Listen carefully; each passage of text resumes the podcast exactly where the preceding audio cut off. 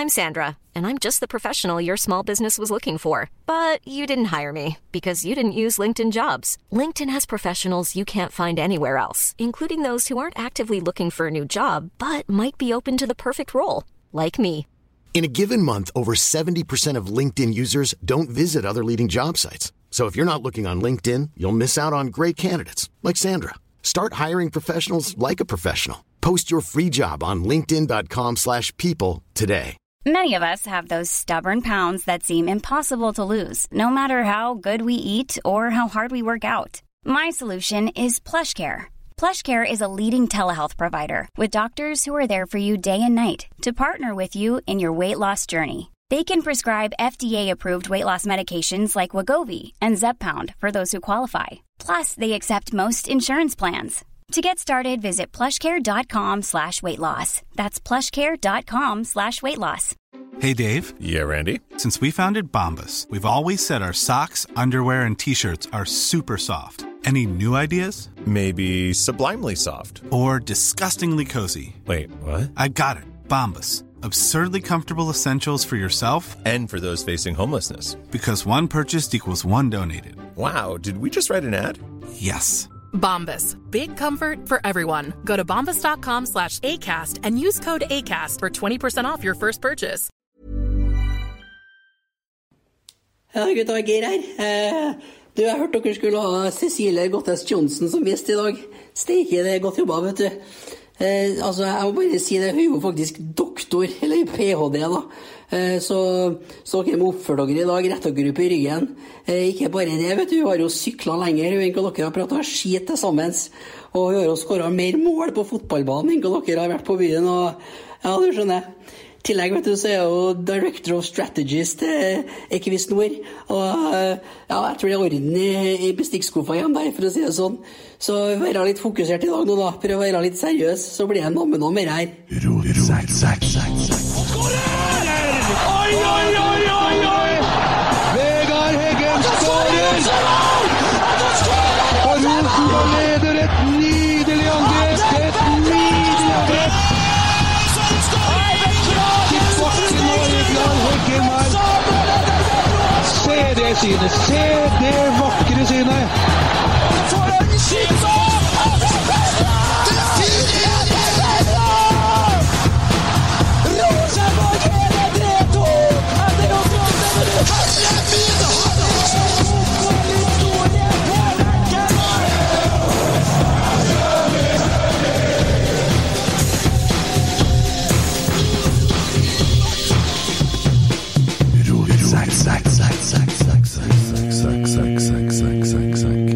Hei. Den blir ikke noe kortere, introen her, eller? Nei, jeg, jeg, jeg syns, nå syns jeg I dag var den veldig lang. Ja, den var veldig, veldig lang. Veldig lang i dag. Ja, veldig lang intro. Jeg husker jeg bare tjata andre i sommer, men ja, Skulle, ja. skulle ha kutta den, ja. men det virker som så Vi mange kan ikke gjøre det. Nei, de er jo litt Den De er litt fin nå, sjø. Ja. Ja. Hei, Tommy. Hallo. Sitter du og er stille? Ja, for en gangs skyld. Ja. Jeg får sånn kjeft hvis jeg Ja, kjeft. Ja, ikke kjeft, men kjeft. Ja, kjeft, ja. ja. Har du en bra dag? Jeg har det. Ja, Fikk du meg telefonen hit, da? Gjorde ikke det. Nei, gjorde ikke. Nei. Hva er det du har i hendene da? Nei, jeg måtte jo kjøre tilbake, da. Hun sprang ut hun hjem i sokkelestene og ble ikke For- imponert. fornøyd? Veldig lite fornøyd. Var det din feil da at hun sprang ut i sokkene? Ja, ja ikke sant? Det, selvfølgelig. ja, nei, det Ja. øh, ellers? Er bra med deg? Emil Almås har bursdag i dag. Ja, det har han. Emil og Rasmus Widersen Pohl har bursdag i dag. Ja. Ja. Det er ikke dårlig, bare det. Det er kjempestas. Kjør bursdagssangen som du har gjort klar. Ja, det skal jeg gjøre. Vent, da. Kjør. Ja, jeg må bare finne den først. To. Jeg har, nei, men jeg har den. Tre, to, én, kjør. Ja, men det er bra det funker som vi har- planlagt nå. Ja, men Kjør på. Kom igjen. er Der kommer det. Ja, der er den, ja. Ja. ja. Gonna knock on your door, ring on your bell, tap on your window too. Det var en fin sang, det. Ja, gratulerer med dagen. Ja, gratulerer med dagen, Emil. Det artigste jeg har gjort i dag, Mm. det er Folk har skrevet 'gratulerer med dagen', Emil. På Emil sin eh, profil. Så, så har jeg skrevet 'takk'. under. Er det Emil, så er det Emil. Dere der er så kritisk det er for meg, for jeg har jo fortalt en historie om han Kent Aune. Ja. Som eh, fikk den telefonen fra den rusklinikken oppe i nord og skjønte Ja. ingenting. Nå har Kent Aune flytta til Risvollan. Å ja. Jeg fikk jo regning en dag, jeg skjønte ingenting. Og så begynte jeg å lese og har litt annen adresse enn meg. Du er nesten naboer nå. Ikke så langt unna. Hvordan går det med han, da? Nei, det skal ikke jeg utlevere. Jeg, jeg vet ikke. Jeg vet ikke, jeg vet ikke om det. Jeg håper det går veldig bra, for du skjønner ja, Vi vet jo hvordan det har gått, så vi holder håp på det. Ja, ja, nei, gutten er grei, han. Han har vært offentlig om det der, så du, hvis du googler Kent Aune, så dukker han opp òg. Ja, kanskje ikke så mye nå, for lenger ned det- på Ja, lista, litt lenger ned. Ja, litt lenger ja, ned, ja, ja, ja. Det er jo, det er jo hardt. Mm. nei, men du, dæven, det er artig. Det er mye greier, altså. Ja, det skjønner jeg. Ja. Det, det, står seg sterkt ennå. ja. Så jeg fikk sånn uh, Førsteplass på iTunes ennå. Ja, femte dagen på rad. Ja. Det har jeg ikke opplevd før. Nei, ikke heller. Så i dag nøtta jeg på Jeg var en tur på Rørvik innom til DDE jeg fortalte dem litt om hvordan man jobba på sosiale medier og Ja, ja. ja, litt om hvordan Hva sa de da? Ja, men lytta Ga de noen tips til konserten de skal ha? Nei, jeg ringte en bosse og så sa du, eh, hvor mange streams må jeg ha for å være gjesteartist i Trondheim Spektrum? Mm. Nei, det var allerede bestemt at det var bare DD. Ja ja, hvis dere Jeg var utsatt på et team, åh. Men jeg, jeg var innom til Eskil og Neivind og slo av en prat, for jeg har vært en tur på Rørvik til jentene mine, så det mm, Det er trivelig. Ja, det rukker det siden sist pod, og det er bare to dager siden. Og fått en ny T-skjorte òg, du. Ja, jeg er fornøyd med den. Den var litt kul. Ja. Kan jeg ta bilde av Hvordan- den må jeg legge ut på gruppa? Ja, den må legge ut på Hvilken gruppa. dag trodde du det var i dag? Jeg trodde det var søndag. Ja. Ja. det går litt uh, trill i ball, men uh, artig, artig. Mm. Hold ut, for det er ikke, det like rett som Hold var. ut eller ring. Sånn, sånn. Men skal vi, skal, vi har jo gjest der. Vi Ja, det er ikke søndag i dag, nei. Nei, Nei, nei, nei. nei. Skulle nesten tro det. Men uh, det er jo et bra tegn at vi er så avslappa og har en uh, så uh, Hva skal jeg si? Ja, kanskje Tommy skal ta presentasjon, og så Vi kan jo ta en liten jingle først, da. Pergonen. Nei, det var feil! Ja, det var feil, ja! Det, det var nært. Jeg skal klippe det. Kjør. Kjør. Ja, vær så god. Dagens gjest er en tidligere norsk syklist og fotballspiller. Som fotballspiller i Trondheimsøren har hun vunnet tre cupmesterskap og tre seriemesterskap mellom 95 og 98. Etter fotballkarrieren var over begynte hun med sykling. Hun vant eh, NM-gull på fellesstarten i landeveisritt i 2013 og NM-gull i lagtempo i 2017. Hun har blitt rangert som nummer 177 på listen over de 1000 beste idrettsutøverne i Trøndelag på avisa Nidaros sin kåring i 2020. Det er svært. Veldig bra. Hun er i dag sjef Sjef? Sjef? Sjef? Sjeft. Sjeft. Sjefstrateg i Equinor, styremedlem i Rosenborg og er for tida veldig aktuell som nyinnstilt styreleder i Rosenborg ballklubb. Velkommen til dagens gjest, Cecilie Gottaas Johnsen. Tusen takk. Det var kjempestemning her i studio. Ja, ja, vi er, er vi er litt sånn løs i sneppen. Kan jeg bare påpeke at du glemte å si noen gull på den lista, eller? Ja, Ja, gjør det. ja, ja. gjerne påpeke. Du får, til å fikk smekke, du får lov til å smekke den hvis du vil. Ja, ja. Jeg savna noen, da. Ja. Bare så sagt. Ja. Ja. for du har noen gull. Har noen gull til, ja. Så Men- det mangler noe på lista her. Veldig dårlig eh, på nettet, da, tydeligvis. Men, men du hadde veldig kort eh, tid til å forberede deg på det. Ja, han som eh, skulle Det var ha meg. introen. Ja, Men det orker ikke jeg høre på nå. Nei, du vant men jeg kort. tenker, Cecilie eh, Først av alt, først av alt Ja. skal vi kalle deg doktor Johnsen, eller? For det er jeg litt sånn Nei, nervøs på. Er du sikker på det? Vi har ikke, det ofte vi har en doktor Nei, her. når kan vi begynne å si liksom sånn SES? Og bli litt Ja. sånn Det er litt Ja, med en gang. med en gang. Okay, det kult. er, har du noe kallenavn? navn? Sessa? Nei. Nei, C er det mange som sier. Se, ja. Se. Det er enkelt. Ja. Sille. Det like kort. Sille! Sille, den er fin. Si- Faen at Emil Almås ikke var da. Var i Sille og Mille? ja, han kaller jeg Mille. Ja. Ja. Sille, den likte jeg. Ja, men Ja. C er jo like kort navn som Tommy høy, så det er jo Da, da er jeg ferdig med det for i dag. Okay. Og han skulle lete te. Men, men, men kjører, kjører, du, kjører du bil?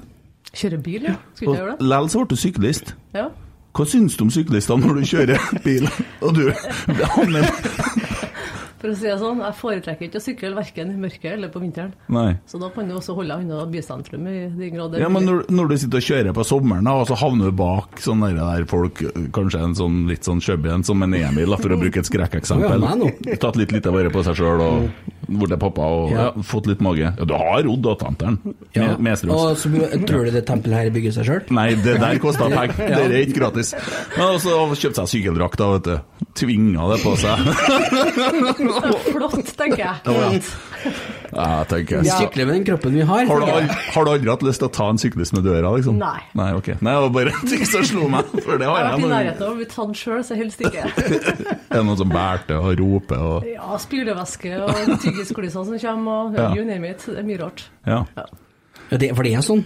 Vi hører om det, men vi men er tror sjelden, liksom ikke på det. Men det, skjer sikkert. Ja, det, skjer, ja. Og jeg har jo for så vidt uh, blitt påkjørt òg, så det Har du det?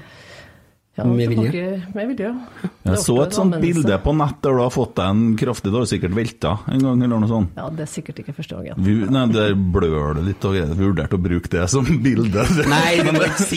Det har vært litt slemt, tenkte jeg. Så, Helst ikke. Ja, men nå ble det rock'n'roll i styret her. Ja. Det er sant, ja. Her er folk som tåler juling. Ja, og da tenker jeg å må si tusen takk for at du sier ja at du vil eh, være i styret, altså. eh, Og være, eh, stille som styreleder. Folk sier jo nei.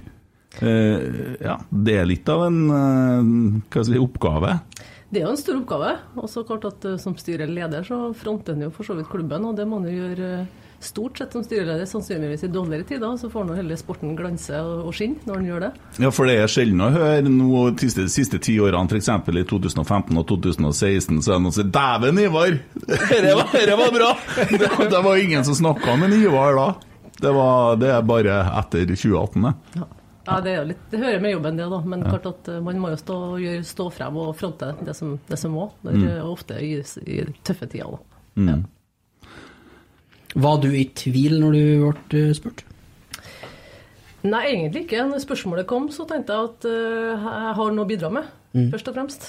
Jeg er ganske trygg på meg sjøl, og jeg har mye erfaring fra både idrett, som dere har nevnt innledningsvis her. Eh, Men så har jeg jo også jobba parallelt med idretten. Jeg har tatt utdannelse parallelt, så jeg vet jo det å være stressa, det å jobbe mye.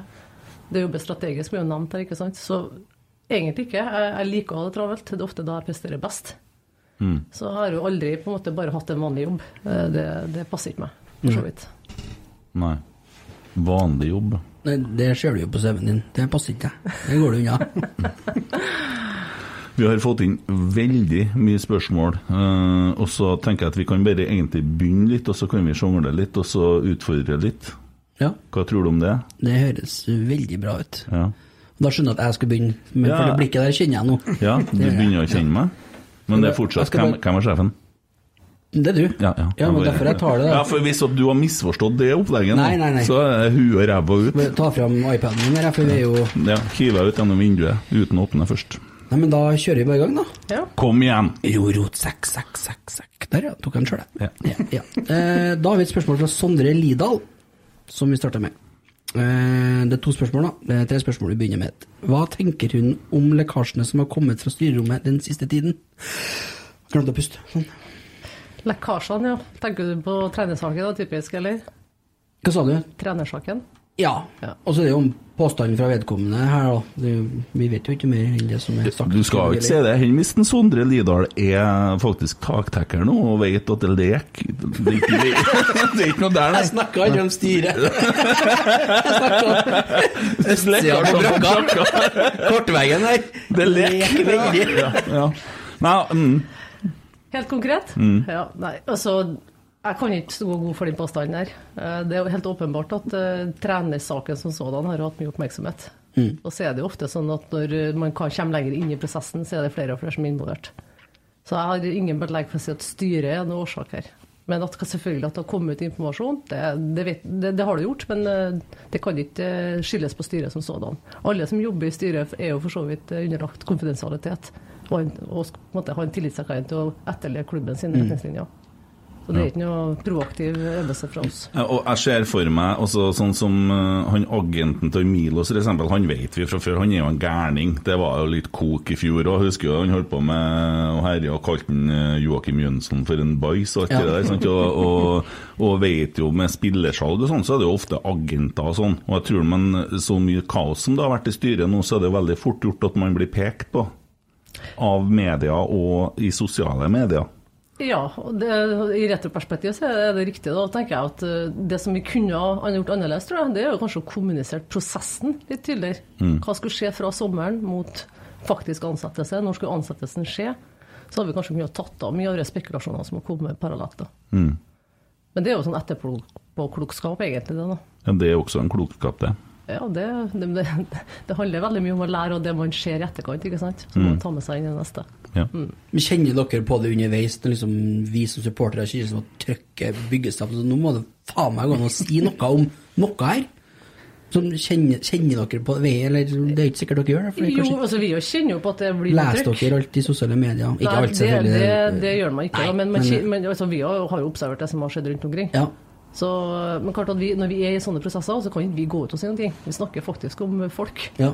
Og det er jo personer involvert i, det, i sånne prosesser. Så I vanlige ansettelser så er det ingen som går ut med det, noe som helst opplysninger. Nei. Men dette her skaper selvfølgelig ekstra Ja. oppmerksomhet. Men det er jo forskjell på å Hva alltid bruke å si? Og, ja, det jeg sier forskjell på å skjæ- skjære av seg, barbe seg og skjære av seg hodet. Ja, det er det jo. Ja. Geir Arne sier noe annet der. Ja, men det, det skal ikke vi si nå. Nei, det var søndager. Ja. Oppfør deg nå. Ja, ja. Ja.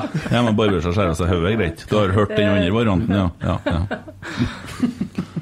ja. Nei, men uh, ja, jeg forstår at det er utfordrende. Men det er jo godt svart da, i forhold til at man kanskje kan eh, lære av det. At da Mm. Jeg må passe på litt her, for han er en liten værende, så han er alltid enig med siste taler. Så, Ja. så jeg, Ok. litt sånn, jeg må være litt kvassere, da, for han er så snill. Det begynner vender med vinden. ja, han gjør det. Men jeg skal være vennen hennes når hun blir styreleder. Ja, ja, ja. Det skal jeg òg, men hun vet jo at jeg er ærlig, da. Du, jeg tar spørsmål tre før to, for det passer bedre. Hvordan blir det å gå fra medlem til leder av styret? Hva er motivasjonen bak det?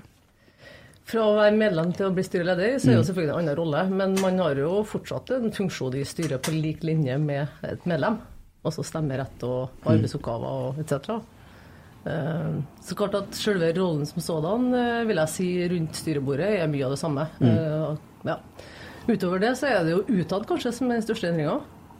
At man på en måte må fronte klubben. Da. Men eh, jeg er nå veldig opptatt av at eh, det er ikke styreleder som styrer denne klubben, og det er styret som leder Ja. For det er også mange som lurer på, er det styreleder som styrer alt? Nei. Det har vi jo fått litt inntrykk av. sant? Altså Vi, eh, verden, omverdenen, har, altså, og media, nå har han Ivar. sant? Det har vært den hele veien. Eh, men han er vel bare Eller har han dobbeltstemme, han, på styremøtene? Nei. Nei, han har én stemme. Sånn at det, Det kan, det kan skje rundt det bordet der at uh, no, det flertallet sier én ting, og han sier det motsatte, men må snakke flertallet. Selvfølgelig også i, styret, et, i et styrerom, hvilket som et styrerom, om det er Rosenborg eller andre, så er det, skal det være takhøyde. Hvis ikke så er det feil, tenker jeg Ja. Det skal være det? dynamikk, det skal være litt gnisninger. 240, eller er det standard? Ja, typisk noe sånt, ja. Det, det er tørt. Det er veldig tørt. Ja, det er kanskje det. Ja. Steike tass. Og det syns du var veldig artig. Ja. Ja. Jeg beklager. Nå har du altfor mye sammen med Emil Almås. Det. Steike. Eh, nå datt jeg, jeg var så artig at jeg datt Du ut ble Du faktisk faktisk. rød av deg sjøl. Nei, jeg ble eh, Litt flau. imponert. Å ja, ja, Jeg får kan ta deg inn igjen, jeg nå. Ja, takk. Takk. Eh, Nei, for det er jo litt artig det med at styrelederen gjør alt. Det kom på det, liksom, det var jo mye Ivar i vendingen der i monitor.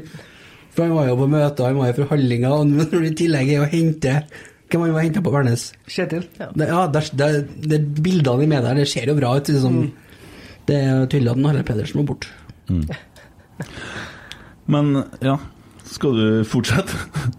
Jeg tror han spola helt av. Nei, jeg, jeg, jeg føler at det, jeg Sondre har fått to spørsmål nå, for det, det kommer igjen senere. Ja, ja. Ok, Kenneth Haselstrøm sier at det her er det en som sier under at det her er helt avgjørende for min stemme på årsmøtet. Hvordan sier du 'veldig kort liste'? Veldig kort liste. Veld, veldig, veldig bra. Veldig bra, ja. ja. Det er viktig. Det er en god styreleder sier veldig. Veldig. Ja. Det er påkrevd, det. Du faktisk skal vedtektsfeste, så det er verdt akkurat det. Ja, veldig. Veldig, ja. Ja. Vi kan jo avsløre det at vi kan, Det, det kommer ei skjorte. Det kan komme ei veldig fin skjorte der Ja, på eget ja, eh, ja. opplag. Ja. Mm. Uh, ja, skal du gå videre? Ja, vi kan jo ta et spørsmål fra Andreas En Hansen. Uh, og det fortsetter vi selvfølgelig på den styrelederbiten. Hva mener du at du er god på som gjør deg til riktig styreleder i Rosenborg? Det jeg er god på, det tror jeg Ikke tror, jeg vet at jeg er god på å bygge lag. Så jeg er god på å inkludere eh, og involvere. Jeg er veldig lite opptatt av å si det jeg mener, for det vet jeg hva jeg gjør. Jeg er mer opptatt av å høre hva andre mener, for det gir meg litt ekstra perspektiv i samme diskusjon. Så jeg tror eh, ja, det å inkludere flere i diskusjoner, og spesielt i et styrerom, er det viktig, da. Og gjerne utfordre hverandre litt. òg. Sjøl om ikke nødvendigvis mener det man utfordrer med, men man er nødt til å serve litt sånne type diskusjoner, så Ja. man får en god diskusjon. Og når du er god på å bygge lag, sier du, hva har du gjort eh, av det tidligere, da, som du tenker er relevant i forhold til deg? Nei, veldig mye, egentlig. Altså, veldig mye av det jeg har gjort i livet mitt, er jo ikke av det, er på, grunn- på tross av. Uh, Når man har drevet, i hvert fall i min, mine karrierer, så har jeg alltid jobba 100 siden av. Mm. Og da har jeg selvfølgelig vært avhengig av at jeg har et lag å spille på. Enten om det er i treningssammenheng, som fotball handler om, da, eller om det er på hjemmebane, eller om det er på jobben. Og sånn sett så må man på en måte avstemme og få, også sette litt forventninger da, til hva, Mm. hvem som gjør hva, og hvordan det her blir.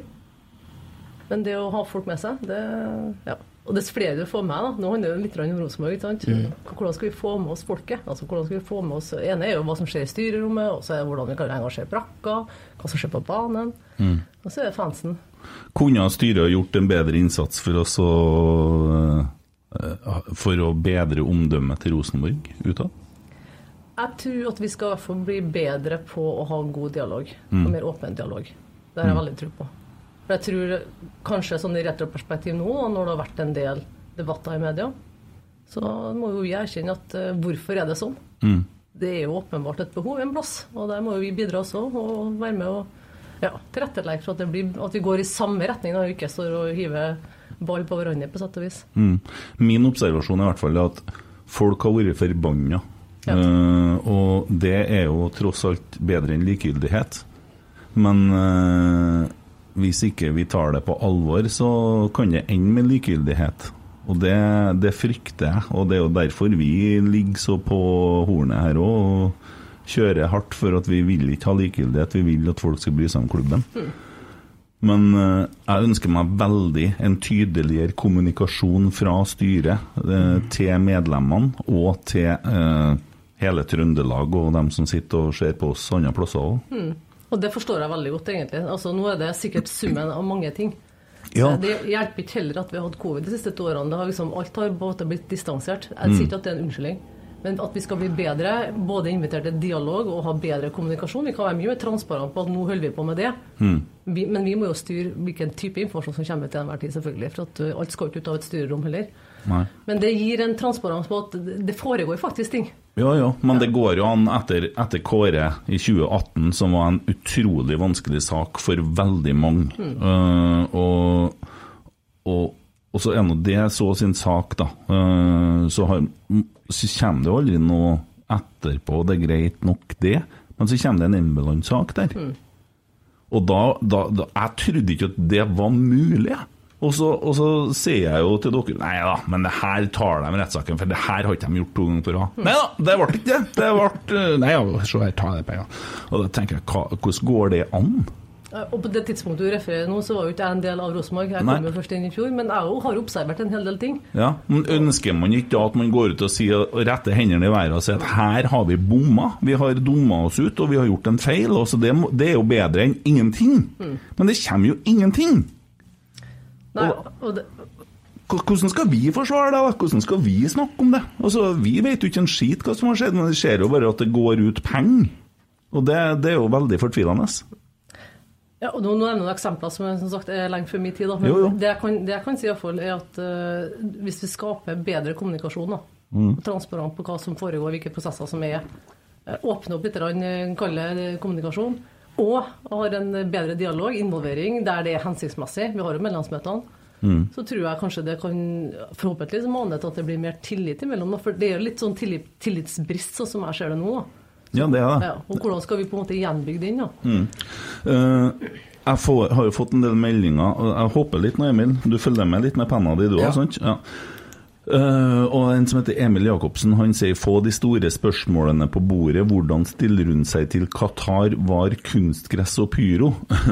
ja, vi kan jo egentlig ta unna de tingene der, fordi at sist medlemsmøte, og medlemsmøtet før der, uh, så opplever man jo uh, at det, vi blir jo ikke ferdig med medlemsmøtet, fordi at det sitter frustrerte folk og føler seg ikke hørt. Mm. Det registrerer du. Det registrerer jeg. Jeg Ja. var på det møtet sjøl, òg. Ja. mm. Eksempel Qatar, da. Eh, Er det noe man kan gjøre der, sånn at folk føler seg hørt? Jeg tenker sånn som nå, da. Nå Når jeg leste gjennom vedtaket fra i fjoråret Jeg kom jo som sagt inn etter, fj- etter årsmøtet i fjor. Så jeg var jo ikke med på prosessen forut i styresida, på styresida og hvilke beslutninger som foregikk der. Men når vedtaket falt, da, så har jo Sånn som styret har sett det, så tror jeg her er det flere sider av den saken. Jeg tror ikke at det er nødvendigvis at man har tolka seg litt forskjellig ut av, av det vedtaket. Styret har jo tolka det som om at når vi kom, fikk et ekstraordinært fotballting, Mm. så lukka, der hvor vi stemte for boikott, i henhold til det vedtaket som ble tatt på årsmøtet, så oppfatta man som at man hadde på en måte svart opp det vedtaket som falt på årsmøtet. Ja. Og så oppfatter jeg nå i etterkant, og det merka jeg da på Jeg ble litt overraska sjøl at det faktisk var en debatt. Og det, det, at det kom opp som en debatt eller en diskusjon ja, på medlemsmøtet. At åpenbart her var det en kime. Da måtte jeg jo gå tilbake sjøl. Hva er det som har foregått her? Har vi ikke lukka saken? Så begynte vi å liksom, hadde, Skulle ha tolka det annerledes, så tror jeg kjernen og med medlemmene har tolka det her på en annen måte. ja. Og så er det hva rett og galt, og det har ikke jeg svaret på. Nei. Om vi Men- har tolka det feil, eller om noen andre har tolka riktig, det, det kan jeg bare spekulere i. Mm. Men åkke som nå, uansett om hva vi skulle ha gjort eventuelt før jul, så er jo saken sånn at vi har jo ikke kvalifisert oss. Nei. Så ergo så er jo konsekvensene av det utfallet som skjedde før jul, uansett eh, ikke til stede sånn sett, da. Nei, det, det, det er jo greit. Akkurat dere der fiksa landslaget, så vi slipper å fære dit.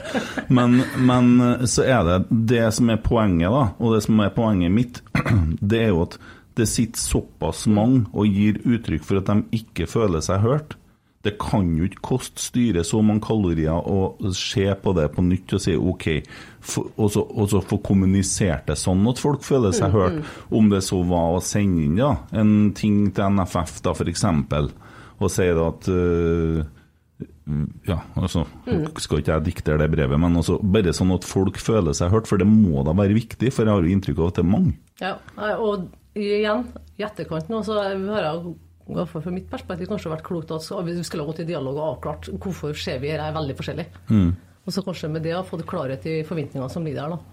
Men det er jo litt sånn etterpåklokskapen i det saken Ja. her nå. Så Ja, for det, jeg vet ikke om det de er ute etter nå er så den boikottgreien, at, skal, at Rosenborg skal markere overfor NFF at vi ønsker at ikke en Terje Svendsen reiser nå, da, eller hva det er. Det, det kan jo være det, da. Det er ikke alt som er så enkelt for meg å forstå heller, men jeg får jo noen meldinger her underveis, ikke sant? For de vet jo at uh, Jeg tror nok at det er det som er kjernen i saken her, at uh, vi ønsker total uh, avstand fra Qatar. At ingen norske representanter reiser nedover. Ingen på en måte mm. ferner og på en måte anerkjenner det at det er et VM i Qatar. Og så tror nok eh, de fleste som styrer fotball i Norge, tenker at det i utgangspunktet var feil at det landet fikk tildelt det VM-et, men jeg tror òg at ganske mange supportere og ja, kjernen da, som har fremma det forslaget, ønsker, og med flere, da, at eh, Norge vi avstår fra å faktisk kaste noe som helst glans på det mesterskapet. Ja, Ferdig. men, ja, og det er jo greit, men så er det jo det vedtaket og den tolkninga av det vedtaket, og så er det, blir det skrevet masse. og Jeg tror det står videre i spørsmålene her òg. Hvordan forholder man seg til Kommer ikke den tilbake? Jeg tror det. Ja, Hvis den gjør det, så, skal vi, så har vi tatt noen nå. Jeg kan bare for å avslutte, eller ikke avslutte, for å bare å føye på noen fakta. da. Når du ikke ser på vedtaket, så er jo vedtaket eksplisitt på herrelandslaget. Så hvis man begynner å snakke om noe annet enn eh, dersom herrelandslaget skal kvalifisere seg, da skulle vi på en måte ha boikotta det. Men det er jo ikke referert til noe annet i det vedtaket. Så ja, bare så det er klart. Ingos da, han eh, sier forklar hvordan styret mener årsmøtevedtaket angående Qatar ble fulgt. Det står tydelig at klubben skal sende inn forslag i 22, selv om dere stemmer ja i 21. Det var et overveldende flertall for boikott på årsmøtet, eh, og det ble jo bra med dialog. Så da er det jo, da er det jo den der der at man ønsker en uttalelse til.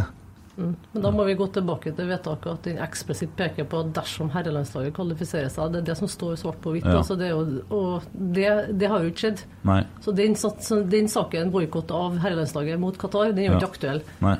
Nei, og, uh, så jeg òg skjønner jo det, og så tenker jeg at er det noe ja, Nå har jo deg her uh, på gaffelen, liksom, Uh, og er det noe vi kan gjøre for at folk føler seg hørt? Det er jo det som er mitt ønske nå, at vi kan, hvis vi hadde klart, klart å oppnå det, og så er jo det kjempebra. Så får vi snakke om de tingene vi skal snakke om, som handler om framtida, når, vi- når vi er på medlemsmøte neste gang, og årsmøte. da. Vi vil jo helst snakke om sport. Vi vil jo helst snakke om det som skal skje på matta til våren, og få publikum tilbake til Lerkendal, helt klart. Mm. Men så tenker jeg, for å nøste opp i den saken her, da, det beste er jo at man setter seg ned og diskuterer ut saken Ja. over bordet, Ja. i en dialog. Ja. Og så må vi bli Hva er vi uenige om? Hvordan skulle vi ha håndtert det annerledes? Mm. Hva er forventningene framover? Det vet ikke jeg, men der må vi starte. Mm. For det å sitte her og Ja, ja, ja. Men eh, det, det som jeg sier, er jo det ønsket om også å gjøre det i 22. da. Det er jo det det går på. Og så må dere jo bare se på om dere orker å ta opp det igjen. Og det syns jeg jo strengt tatt at man kanskje burde, så man får ro i noen rekker. da. Men nå er jo fristen for uh, forbundstinget, unnskyld, fotballtinget tilbake til det, og den er jo gått. Mm. Så hvis det, skal skje noe nå, så må det vel eventuelt eh, Ja, nå skal ikke jeg spekulere eh, hva som skal gjøres. Jeg tror det er riktig. Vi starter med en dialog. Ja. La oss begynne der. Ja, det er, jo, ja det, er jo det, vi, det er jo det vi ønsker, og det er jo jeg, det jeg brenner for. For det er jo som hun sa, hun damen som var med på det møtet nå, som representerte eh, kvinner, at eh, 80 det er egentlig et ja. Altså, vi kan ikke forvente at alle blir enige om alt. Det er jo helt umulig. Og det, det er noe sånn det er. Mm. Utopi. Ja. Men for øvrig så er Qatar et fint land, da. ja. Så jeg har vært der noen gang sjøl. Det er livsfarlig å si høyt nå, ikke det? Jo, ja. det er mye stein, mye sol, ikke så mye Ja. Ikke mye steining òg? Jeg har helst ikke gått den veien. nå. Nei. Nei. Du var det sykla, eller? Ja, jeg hadde sykla VM der i 20... Nå må jeg tenke 2015. Ja. Mm. Var det Og vi har faktisk eh, Kan jeg komme med en liten fun fact? Ikke, Ja. Det er ikke en fun fact heller. Det er faktisk en fakta relatert til den diskusjonen vi har Ja. her. Mm. Vi var nede eller landsdaget, det var 2015 tror jeg, som forbehold om at jeg tar årstallet feil. Jeg begynner å bli gammel. Eh, Nei, det gjør du ikke. Født. sant. Du er veldig ung. Veldig ung. Men dere vet, du, at damer i Qatar har nødvendigvis den høyeste rangen dem heller. Så Mm. vi var nå ferdig med treningsøkta i VM-løypa, og så har vi alltid følgebil bak oss som Mm. beskytter oss, for vi sykler jo i trafikken. Så da har vi gjerne fire-fem ryttere, og så kommer han coachen bak da i bil. Men så hender jo at vi må skifte fil noen gang. Vi syklister, og så kommer biler sigende etter. Og så var det et tilfelle her da, hvor ene rytteren tok en litt kjappere, da, så at bilen rakk ikke å komme etter, hvorpå hun blir made ned. Mm. Og selvfølgelig så skaper jo Dere her var jo med overlegg, ingen tvil. Også Ja, sånn ja, helt sikkert. Helt, helt, ja, det er Ja. ingen tvil. Så det stopper jo biler rundt. Eh, og, og tar opp eh, Susanne Andersen, som hun heter, da, for øvrig fortsatt en aktiv syklist. Hvorpå det viser seg da, at eh, når vedkommende hopper ut av bilen, så snur alle sammen seg. Alle sjåførene som på en måte observerte eh, og gikk tilbake til bilen sin og kjørte. Å ja. Så viste det seg at den mannen her da, som kjørte på Susanne, da, han var jo en høyere rang i Qatar. Så det ble jo selvfølgelig oppstandelse. Hun skulle sykle igjen om to dager. Hvordan kom det her til å gå? Gikk det bra med henne? Fikk sjekka ut at det var ikke noe alvorlige skader da. Så var det selvfølgelig et spørsmål skal vi anmelde det. Mm. Da fikk vi beskjed av ringte ambassaden og sa at ikke gjør det. Hvis, du hvis hun jenta der skal være med hjem, så må dere ikke gjøre noe nå. Mm. Så det er liksom de rettighetene også jentene har i det landet, og det fikk vi føle veldig på. Da. Det ble veldig sånn Hva er dette her? Vi kan jo finne oss i det her. Mm. Jeg skal ikke trekke samme analogiene her, men Nei, poenget men- er at dette er rettigheter, Jo, men- og det er helt annet land vi må forholde oss til. Jeg, jeg er av den oppfattelse at jeg syns det er greit at regjeringa henter hit Taliban og snakker med dem. Jeg syns det er greit at han hva heter han, fotballtreneren Jørn et eller annet var trener i Nord-Korea, og at han var der. For skal vi utgjøre en forskjell, så må vi dit. Uh, jeg har jo sjøl vært i Afghanistan og spilt et par sanger for befolkninga. Våre tropper. Ja, nei, men altså, jeg mener jo det, for det, det, er jo- det er jo en del ting som er tufta på mye gammeldags eh, filosofier og sånne ting som gjør at de er, står litt lenger bak i Men jeg er jo veldig enig med Tommy Ja. altså, vi og alle tror jeg i Norge er enige om at det burde alle vært tildelt Mm. i Qatar. Og det starter jo i kontorene i, på, i Fifa, og det sitter jo en mann på toppen der i, som Ja. Det, oser ikke akkurat eh, Men det er en nå, annen diskusjon. nå blir diskusjonen brei. Ja. Ja, men vi er, vi er for alle. Ja. ja. ja. Kjempebra. Ferdig med VAR og Qatar? Er ferdig med Qatar. Vi skal òg snakke om VAR. Eh, hvordan stiller du deg til VAR? Generelt, eller? Ja. Ja. Ja, nei, altså VAR er jo et virkemiddel som eh, er mer og mer utbredt. Mm. Altså, jeg har noen refleksjoner. Jeg tror at eh, VAR kan være et eh, nyttig instrument hvis det brukes riktig, men det kan være et eh, skikkelig pain in the ass hvis det blir brukt galt. Mm. Så vi har jo gjort noen erfaringer. Vi har sett Premier League lenge, og det er ikke artig å stå og venter sju minutter på skal spillet komme i gang, og ingen jubler ikke sant, etter en skåring. Der skal vi ikke ha noe altså, Nei, det, det er ikke VAR. Men vi har ingen VAR-dommere ennå i Norge, og dem de tar opp, blir Obos-dommerne. Da blir jo vi supporterne veldig skeptiske. Ja, og det skjønner jeg. og jeg kan ikke uttale meg om den varsaken i Norge, da, for den har ikke vært på styrerommet til oss ennå heller. Nei, og det er et poeng. For det ble jo snakka om, for det har kommet noen uttalelser fra NFF, og så er det snakk om at de må vært ute og snakka med klubbene som igjen har snakka med supporterne. Det er ingen som snakker med Hoff. Nei, og det er blank. Rotsekk? Det er, jeg, kan, jeg kan ikke svare for det. Rotsekk Men, er ikke, ikke Nei, nå mener jeg oss supporterne. Sånn, ja. men det, det jeg kan gjøre, det jeg kan love, det er i hvert fall å gå etter saken nå og finne Ja. ut hvor vi står hen. Og så skal jeg i hvert fall love at når vi har fått eh, klarhet i saken, Mm. så må vi ut og kommunisere og informere hva som egentlig har skjedd. da. Jon Tore Krokstad sitter og noterer her, han, og det må du klare. Ja, han sitter hjemme og skriver, han nå. Uh, next kunstgress, hva tenker du om det? Jeg syns jo gresset finnes, da. Ja. Ja. Er det, hva skal jeg gjøre for at vi skal ta opp på årsmøtet at Rosenborg skal fremme forslag til NFF om at, vi skal, at det skal bli gitt eh, gresstilskudd til klubber som har gress? Det er vanskelig for meg å ta stilling til saken. Men kan jeg legge inn et forslag en plass om at det blir Skjønner tatt opp? liksom. Altså, alle, nå snakker jeg litt sånn løst og fast her, da, men Skjønner alle ja. gode forslag er jo bra. Altså, det er jo Ja. bra at folk engasjerer seg. Hva skal jeg gjøre med det forslaget? Jeg vil at vi skal gjøre det. Jeg vil, at, jeg vil fremme det til årsmøtet. Jeg vil at vi skal snakke om det, sånn at vi kan vedta det. Sånn at du som skal til NFF må være og snakke med dem om at Rosenborg foreslår at eh, gressklubbene skal ha tilskudd. Sånn at kunstgressklubbene får lyst til å ha gress, da. Jeg tenker jeg Da må vi bare begynne å sende forslag til klubben, så så Det, får vi se hvordan vi er det bare å sende på mail? Jeg har lyst til Jeg er veldig usikker sjøl, Ja. så nå, nå er jeg litt svar skyldig på spørsmålet ditt. da. Ja. Men eh, det kan jeg nå finne ut av, da, så kan Ja. vi finne ut hvordan vi skal håndtere Ja, for jeg har veldig lyst til at vi skal gjøre det. For, og det, det har vi snakka med Kjetil Rekdal om, vi har snakka med flere om det, og Ståle Solbakken har uttalt det. Så noen må jo foreslå det for, for NFF. Og så sier da Molde ser at klubber som har gress, får tilskudd fra NFF, hvis det blir vedtatt. Og så tenker de kanskje vi òg skal ansette en fyr som klipper plenen her igjen, da. Det er jo ingen som norsker det nedi der, sikkert ikke, men Men det er jo ikke tvil om altså, det vokser ikke resten av ironien da, var jo det at de i 2015, eller ja, kanskje tidligere òg, la ut bilde av ei fantastisk gressmatte på Aker stadion. Det var en veldig fin gressbane, en av Norges fineste. Ikke bedre enn eh, Rosenborg, det kommer de aldri til å bli. Og så skrev, har de skrevet en tweet der det står ekte, nei, jo, fukt, ekte fotball skal spilles på gress. Mm. Det tok neimen ikke mange år før det ble ekte fotball skal spilles på kunstgress. Ja. Nei, men eh, det er jo godt å høre at du liker gress. Ja, jeg liker jo gress. Og så er Jeg skjønner jo at dette her også er en politisk Så godt du tenkt! Vi snakker om eh, gress Og vokser. sånn, ja. Timotei og ja, lignende. Firkløver og Ja. Anders Øyen. Ja, ja, ja. Men det er jo krevende. Vi bor jo i et eh, land langt nord, da. Så Ja. det er klart at når det snør så verst oppe i eh, Tromsø og, og, Bodø, og i Bodø, da, så er det ikke så enkelt. Men, Nei, nei, eh, det, men for fotballen sin del så tror jeg at det er det, er det beste, da. Og i hvert fall hvis vi skal henge med internasjonalt. Da henger vi på et sånt vedlegg at de oppi der de får så mye tilskudd lell. Ja. Og så kan de, får de til snømåking og sånn. Ja. Men det tror jeg jo de fleste i Norge faktisk på en måte skulle si, godtar òg. At det må kanskje være kunstgress oppi der. selvsagt det, når du skal- Men, men altså, når Rosenborg klarer å stille med Norges beste gressmatte år inn og år ut, og det så helt nydelig ut der i desember, da burde det være mulig for klubber som Ålesund, Molde, ja, Ja, Mjøndalen jeg ser poenget. Så ja, men nå syns jeg at jeg hadde et godt forslag. Og Ja. vi må finne ut hvordan vi skal få sendt den. jeg skal finne ut av det. Ja, Jeg lover meg? Yes. Jeg kommer til å huske på det, altså, for jeg har tenkt mye på det her. Og så skal vi opplyse om det i neste pod. Ja. At folk vet det generelt for Ja. andre ting også. Ja. Vi i 76-generasjonen hadde en dialog på det og ja.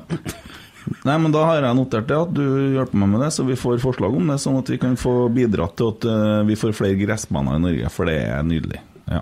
Eh, Pyro, da? Hva tenker du om det? Nei, eh, pyro, altså, hva, hva jeg tenker om det? Eh, det er jo show i seg sjøl. Mm.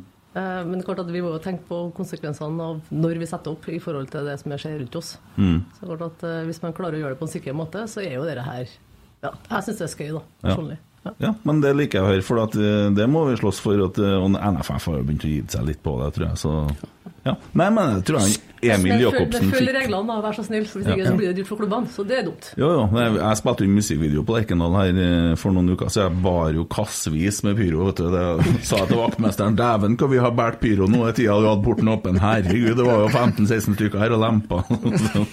Jeg ikke jeg ikke jeg er borte litt på mer sånn godfot med vaktmesteren nå. Det var det, ja. Han var litt sur på deg? Var veldig sur. Ja. når du ikke brukte munnbind. Ja, og så dagen etterpå kom han og så meg attmed et batteri på gressbanen på, på, På treninga? Ja, jeg hadde rota meg helt attmed batteriet der vet, og lurte på Hvem er det her?! Jeg turte ikke å svare heller, for at jeg har fått beskjed om at han der må ikke få imot deg. Ja. Så det, ja, jeg, jeg ble stum. Og det er ikke så ofte. Ja. Det, det er ikke så ofte. Nei. Men det må jo være noe annet enn pyro man kan gjøre på tribunen, vel? Eller hva tenker dere? Jeg ser fotball. Ja. Ja, det er, jeg, jeg er jo livredd. Det smeller så Sang høyt. og Og, moro og skøy og jo, men kjernen elsker, elsker Pyro, og det gjør jeg å se på. Og det ser vi at medieavdelinga liker, og vi ser at TV-en liker det. Og når folk tar bilder, så er det av det. Så det er stas. Og det er stas med TIFO, og det er stas med det der, og det skal man jo Den innsatsen som eh, de gjør oppå der, den må vi jo Det eh, skaper, fremme. det skaper en fantastisk ramme rundt kampen, og, og du hører jo på det hvis du hører ungene som sitter foran deg på tribunen, så de blir bergtatt. Så, så klart at eh, så lenge sikkerheten er ivaretatt, så er det jo altså, Når du får de store tifoene med bilder av Nils Arne eller Odd Mm. Og det fyres opp blussa blusser, det Da er det nydelig å være på Lerkendal. Men det er jo innpå på det. det. Så lenge vi klarer å gjøre det sikkert, så tror jeg det er veldig få som setter seg imot. eh, Sånn som jeg oppfatter det. Eh, SGPV Rosenborg spør hvordan vil du bidra til at Rosenborg blir best i Norge igjen? Trekk gjerne fram spesifikke satsings, satsingsområder. Hvordan Rosenborg blir best? Ja, Jeg tror det, det, alt begynner jo med sport. Mm.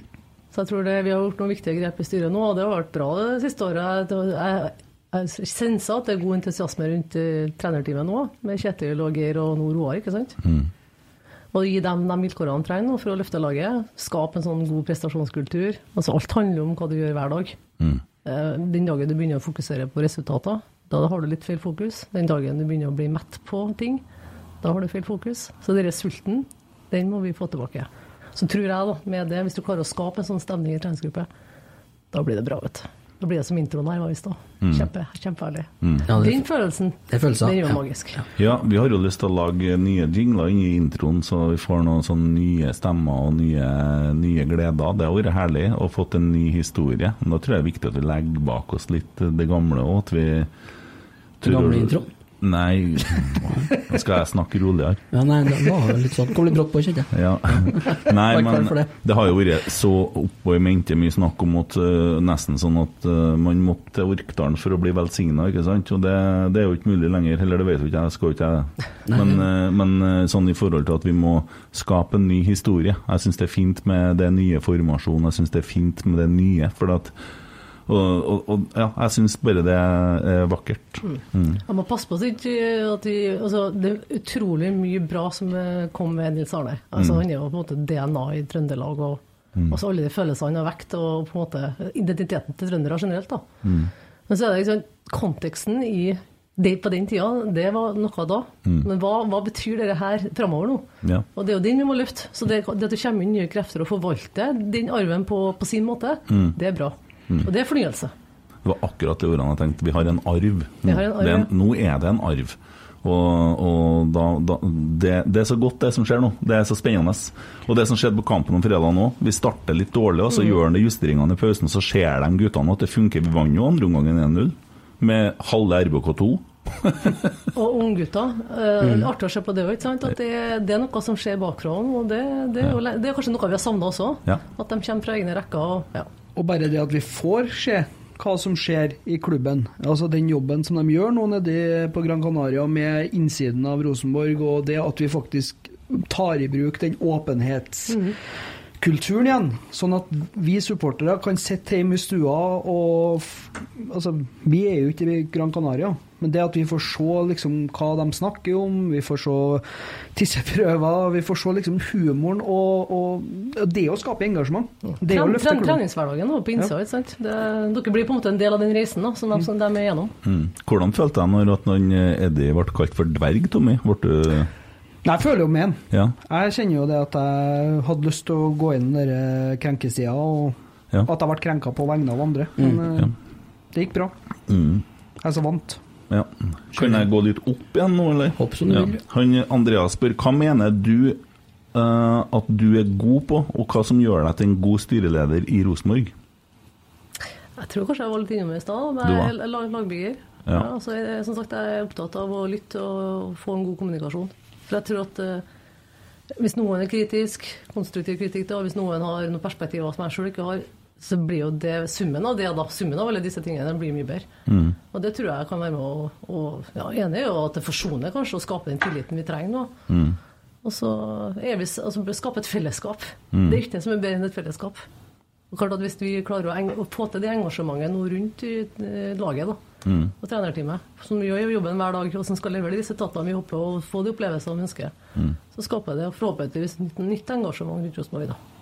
Og så vil jeg jo gjerne se de yngre fangenerasjonen komme opp òg. Skal gjerne ha dem også litt inni der. Og så tror jeg vi alle er jo kjempesultne etter oss det- med covid, ikke sant. Det er glissent sikkert å spille fotballkamp med 600 tilskuere på verste òg. Så de òg trenger på en måte oss tilbake da, og være med på å heie dem frem. Mm. Helt klart. Hva tenker du om eh, med konkrete eksempel på det? For det har vi jo snakka mye om her, og vi har blitt utfordra på det, og det er mange som snakker om det. For nå har vi jo nevnt eh, det sportslige, ikke sant? og den satsinga her. Altså åpenheten brant fra medieavdelinga, hjemme i garderoben og på møter og sånne ting. Kjempegreier. Åpenhet fra styret, nevner du. Dialog. Men så er det hva kan vi gjøre for å få yngre garde, da, og generelt flere på Lerkendal? Da tenker jeg det er felles, felles eierskap til hvordan vi skal få det til. Eh, Jeg har jo sjøl en guttunge. Og klart at Den generasjonen som kommer opp nå eh, og spiller fotball sjøl, ja, mellom 10-16 år for den saks skyld, de er jo litt blasert over all den infoen de får via TV-skjermene. Det er jo kamper hver dag, det er jo Premier League, det er Champions League. Men det er én ting Rosenborg har som ikke de har. Og det er faktisk at vi fysisk kan gå på kamp. Så Det er liksom å, å skape en eierskap til å- det å gå på kamp sammen, kanskje en ramme rundt kampen.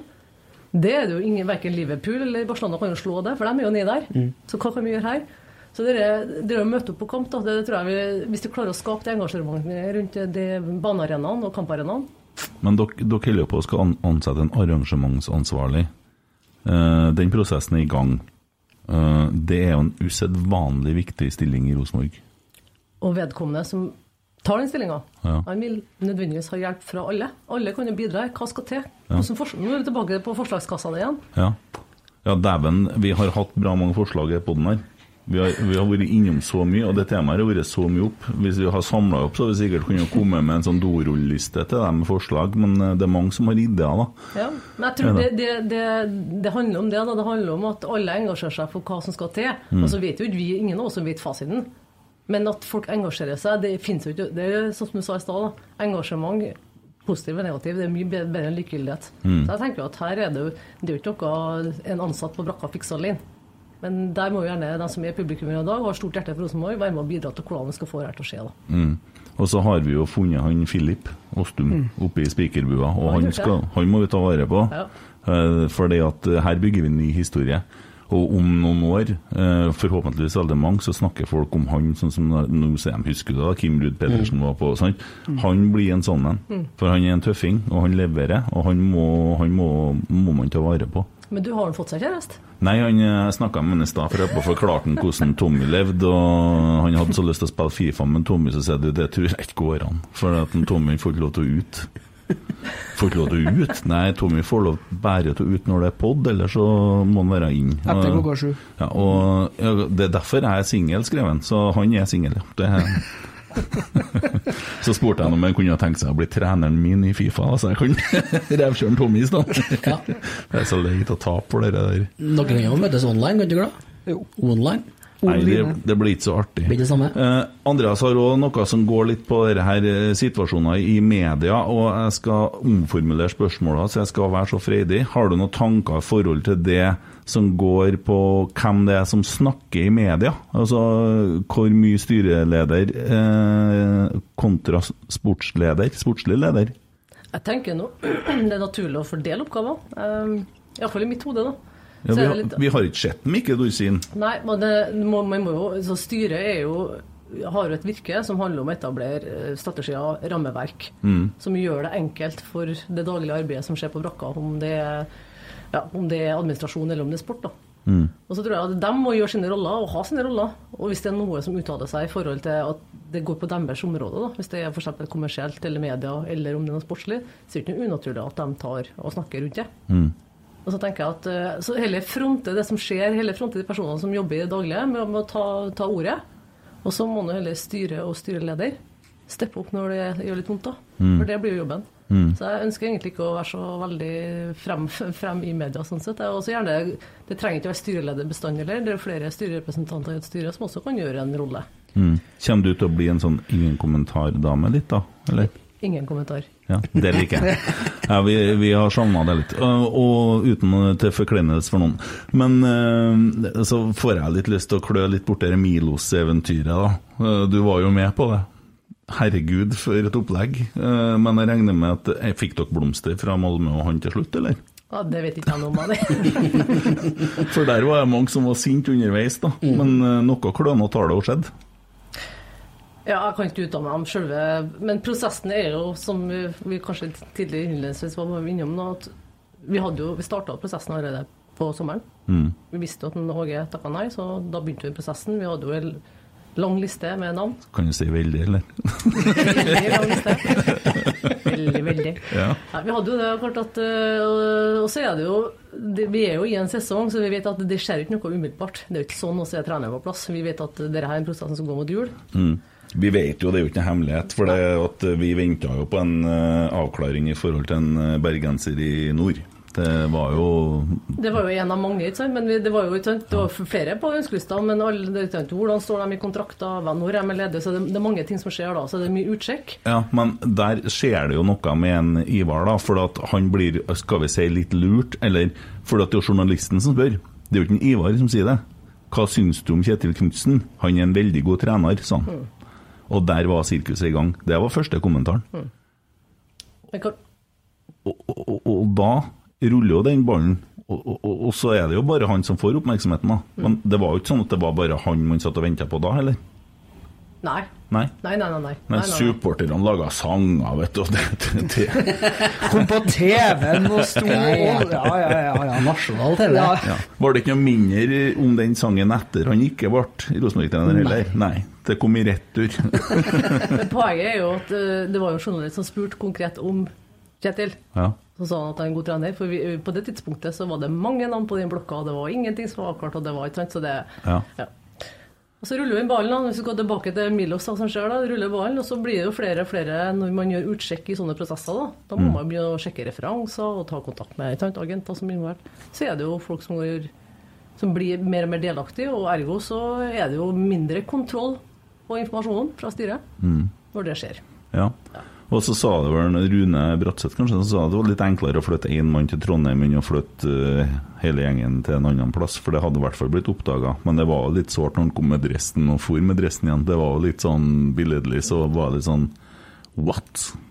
For da Ja, media sto og ventet, de står og venter på Værnes nå. Det er jo helt Det er jo ille blitt. Ja, det, men nysgjerrig- det, så det, skaper, altså, det er litt sånn uh, positiv negativisme i år. Sant? Det skaper mye media rundt Rosenborg. og Mm. Det, skal vi- det skal vi på en måte ta litt vare på. da. Så må vi heller uh, håndtere ting litt klokt. da. Mm. Så at man uh, ikke skaper masse spekulasjoner og ikke får masse sånn støy i etterkant. Har er dere lært noe av det som har skjedd det siste året? Tror det vi har lært, er at vi burde sannsynligvis vært mye tydeligere på prosessen, så at folk var kjent med hva det er egentlig som skjer når, og når kunne man forvente å få et svar. For det var jo sånn at hver gang det poppa opp et navn, så var det jo fullt styr og trodde at det var en ansettelse på gang. Så, ja. Så Det blir, det blir jo litt bilde på det òg, når du som man sier, kommer med dressen, og det virker egentlig på sånn som det står ut av det i media. Det er jo, det er jo referansen vår. Så til at det ikke kommer noe fra styret eller kommer noe fra Rosenborg, Mm. så er jo referansen vår adressa VG, TV 2, Nidaros, alle de mediehusene som skriver om Rosenborg. Mm. Og da står det jo nesten ganske tydelig der at Milos er her nesten av ren formalitet. Altså det er bare noen detaljer som står igjen. Og så er det knips, så er han plutselig eh, på en måte kasta fra styret. Og, og, da, og da er det jo eneste, eneste synspunktet vi har, er det at her hadde vi en veldig ung, spennende trener som egentlig skulle komme og signere, og så har vi klart å kløne til det òg. Det er det synet som veldig mange supportere sitter igjen med. Hva, hva kan vi gjøre annerledes der? Ja, åpenbart at uh, vi kan jo ikke gå og si noen ting på det tidspunktet. Så klart at media er jo fullt berettiget til å si det de ser. Mm. Og så, så blir det jo det et skjevt bilde av sannheten. Ja. Eh, Men vi kan jo ikke gå ut og si noe. Så sånn er det jo det. Så tenker jeg i etterkant så har vi burde vært kanskje igjen snakka om prosessen og forventningene til prosessen. Så at når, når det har dukka opp en person, så at man ikke konkluderer, media heller ikke konkluderer. For da har man på en måte kjørt seg fast i et spor, da. Ja, Det man kunne kanskje ha gjort da, det er jo også For Dorsin ble jo litt kasta til ulvene. For han sto igjen, og det ble beskrevet i media. Jeg vet ikke hva som skjedde, men eh, Petter Rasmus han skriver, eller Ole, jeg vet ikke. eh, Her har eh, Og, jo, og Jo- Joakim Jønsson sa i poden vår at Dorsin han er jo vingeklipt, han er jo, han er jo undergravd fullstendig. Da kunne man jo ha gått ut og sagt at det her er en felles prosess, bla, bla, bla. Et er- eller annet. Det ble jo ikke gjort. Det skulle man jo ha gjort. Det, sk- ja, det absolutt. Ja. Så igjen, du er litt tilbake til at vi kunne ha vært bedre kommunikasjon. Ikke sant? Så at, at ikke alle, alle disse spekulasjonene som kommer nå, faktisk blir oppfatta som en sannhet, for det er ikke riktig. Nei, det- Mykje har tillit. Ja, og det endte jo jæklig godt, da. For Milos òg. Han han eh, dupp eh, en periode der, og så havna han i, i Malmö. Malmö, og det vil jeg tro var et steg opp i forhold til Hamarby. da. Det, så når alt ble som det ble, så ble det ganske greit, vil jeg tro. Er det utfordrende å altså Det er jo utfordrende å være Rosenborg-trener, uten det. Ja. Det, er- trøkk. Med oppmerksomhet og engasjement og fans og supportere. Er det utfordrende å sitte i styret til en sånn medlemsklubb også? Det er jo ikke klassisk AS Nei, det er det ikke. Eh, Ja, det, du kan si at ja, det, men det, det er litt positivt òg, da. For det handler om at folk er engasjert. Ja, og det er jo det vi Ja. Klubben lever av, eh, selvsagt. det, så, så vi skal ikke klage på at, det- at det stormer litt rundt oss òg. Men vi ønsker jo helst at det skal bli en positiv storm. Mm. Ja, og så tenker jeg jo at eh, hva skulle vi gjort annerledes, og hvordan skal vi på en måte ha unngått at det har blitt eh, den mistilliten som kanskje Jeg vet ikke hva jeg skal kalle ordet mistillit, men i hvert fall eh, den disputten som var jo offentlig før jul, da. Ja. Kunne vært unngått, da. Så, ja. så det, det er noe man bare må bli bedre på, og så må man skape tillit, da. Så tenker jeg at eh, Det er flere sider til den saken, og det handler like mye om at man kommer til en god dialog. Mm. Tror jeg, da. La oss tåle å starte der, så får vi se om det bærer oss i rett retning. Mm. Jeg kan eh, gi et lite tips òg. For eh, Forrige uke så var jeg snakka med en Pål, eh, som har gatelaget. Ja, Vi har ja. en plan om en liten sak i forhold til han og jobbe litt, men litt annerledes pod. da. Eh, og da har jeg med meg denne Snapchaten til Rotsekk, da, for vi har jo laga oss en liten sånn en, og, og filme helt sånn bevisst da, og vise at se her, her For nå fikk jeg det er, jo, det er jo covid og sånn, men at det å synliggjøre at brakka er litt sånn åpen, altså synliggjøre litt åpenhet, jeg tror det kan være et godt bilde på det, at vi må jobbe for at folk skal få tilbake brakka Mm. til folket. Og nesten sette noen til å steke vaffel når det åpner igjen, og gjøre det som det var. For den tradisjonen, den var fin. Mm. Når folk kunne komme og sitte der og føle seg som en del av noe. Men det er litt interessant du sier nå, for vi har jo sant, de verdiene vi har. Mm. åpenhet er en av dem. Og folk tolker det veldig forskjellig. Mm. Så Jeg hørte jo at noen andre nevnte at åpenhet var når man kunne komme på brakka og komme på besøk. Mm. Mens andre tolker kanskje at man har mer åpen dialog. Så det er liksom, hva mener man med disse verdiene? da? Begge delene, tror jeg. Ja. Ja. Men det er liksom, det er greit å bare få landa og snakka litt rundt det. Hva, Mm. hva er det legger i det? Ja. Ja.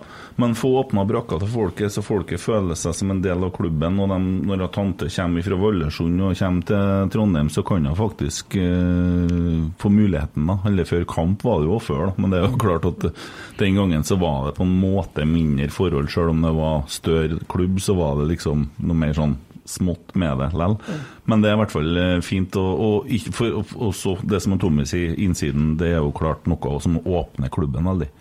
De ser jo alt en Kjetil sier til spillerne og får jo fullt innblikk, akkurat som det var før i tida. Det er jo herlig. Den åpenheten tror jeg er enklere nå. ikke sant? Det er ikke bare å, altså, det er grunnen til at man sikkert lukka brakka. Jeg kjenner ikke historien bak det, da. Så har det jo blitt det det har blitt. Men åpenhet gjennom sosiale medier tror jeg er et virkemiddel. Altså at det, det, det blir mer transparent. Mm. Det fanger jo alle de supporterne som ikke bor i Trøndelag, som ikke bor i Trondheim. Som, eh, det, er jo, det er jo supportere overalt.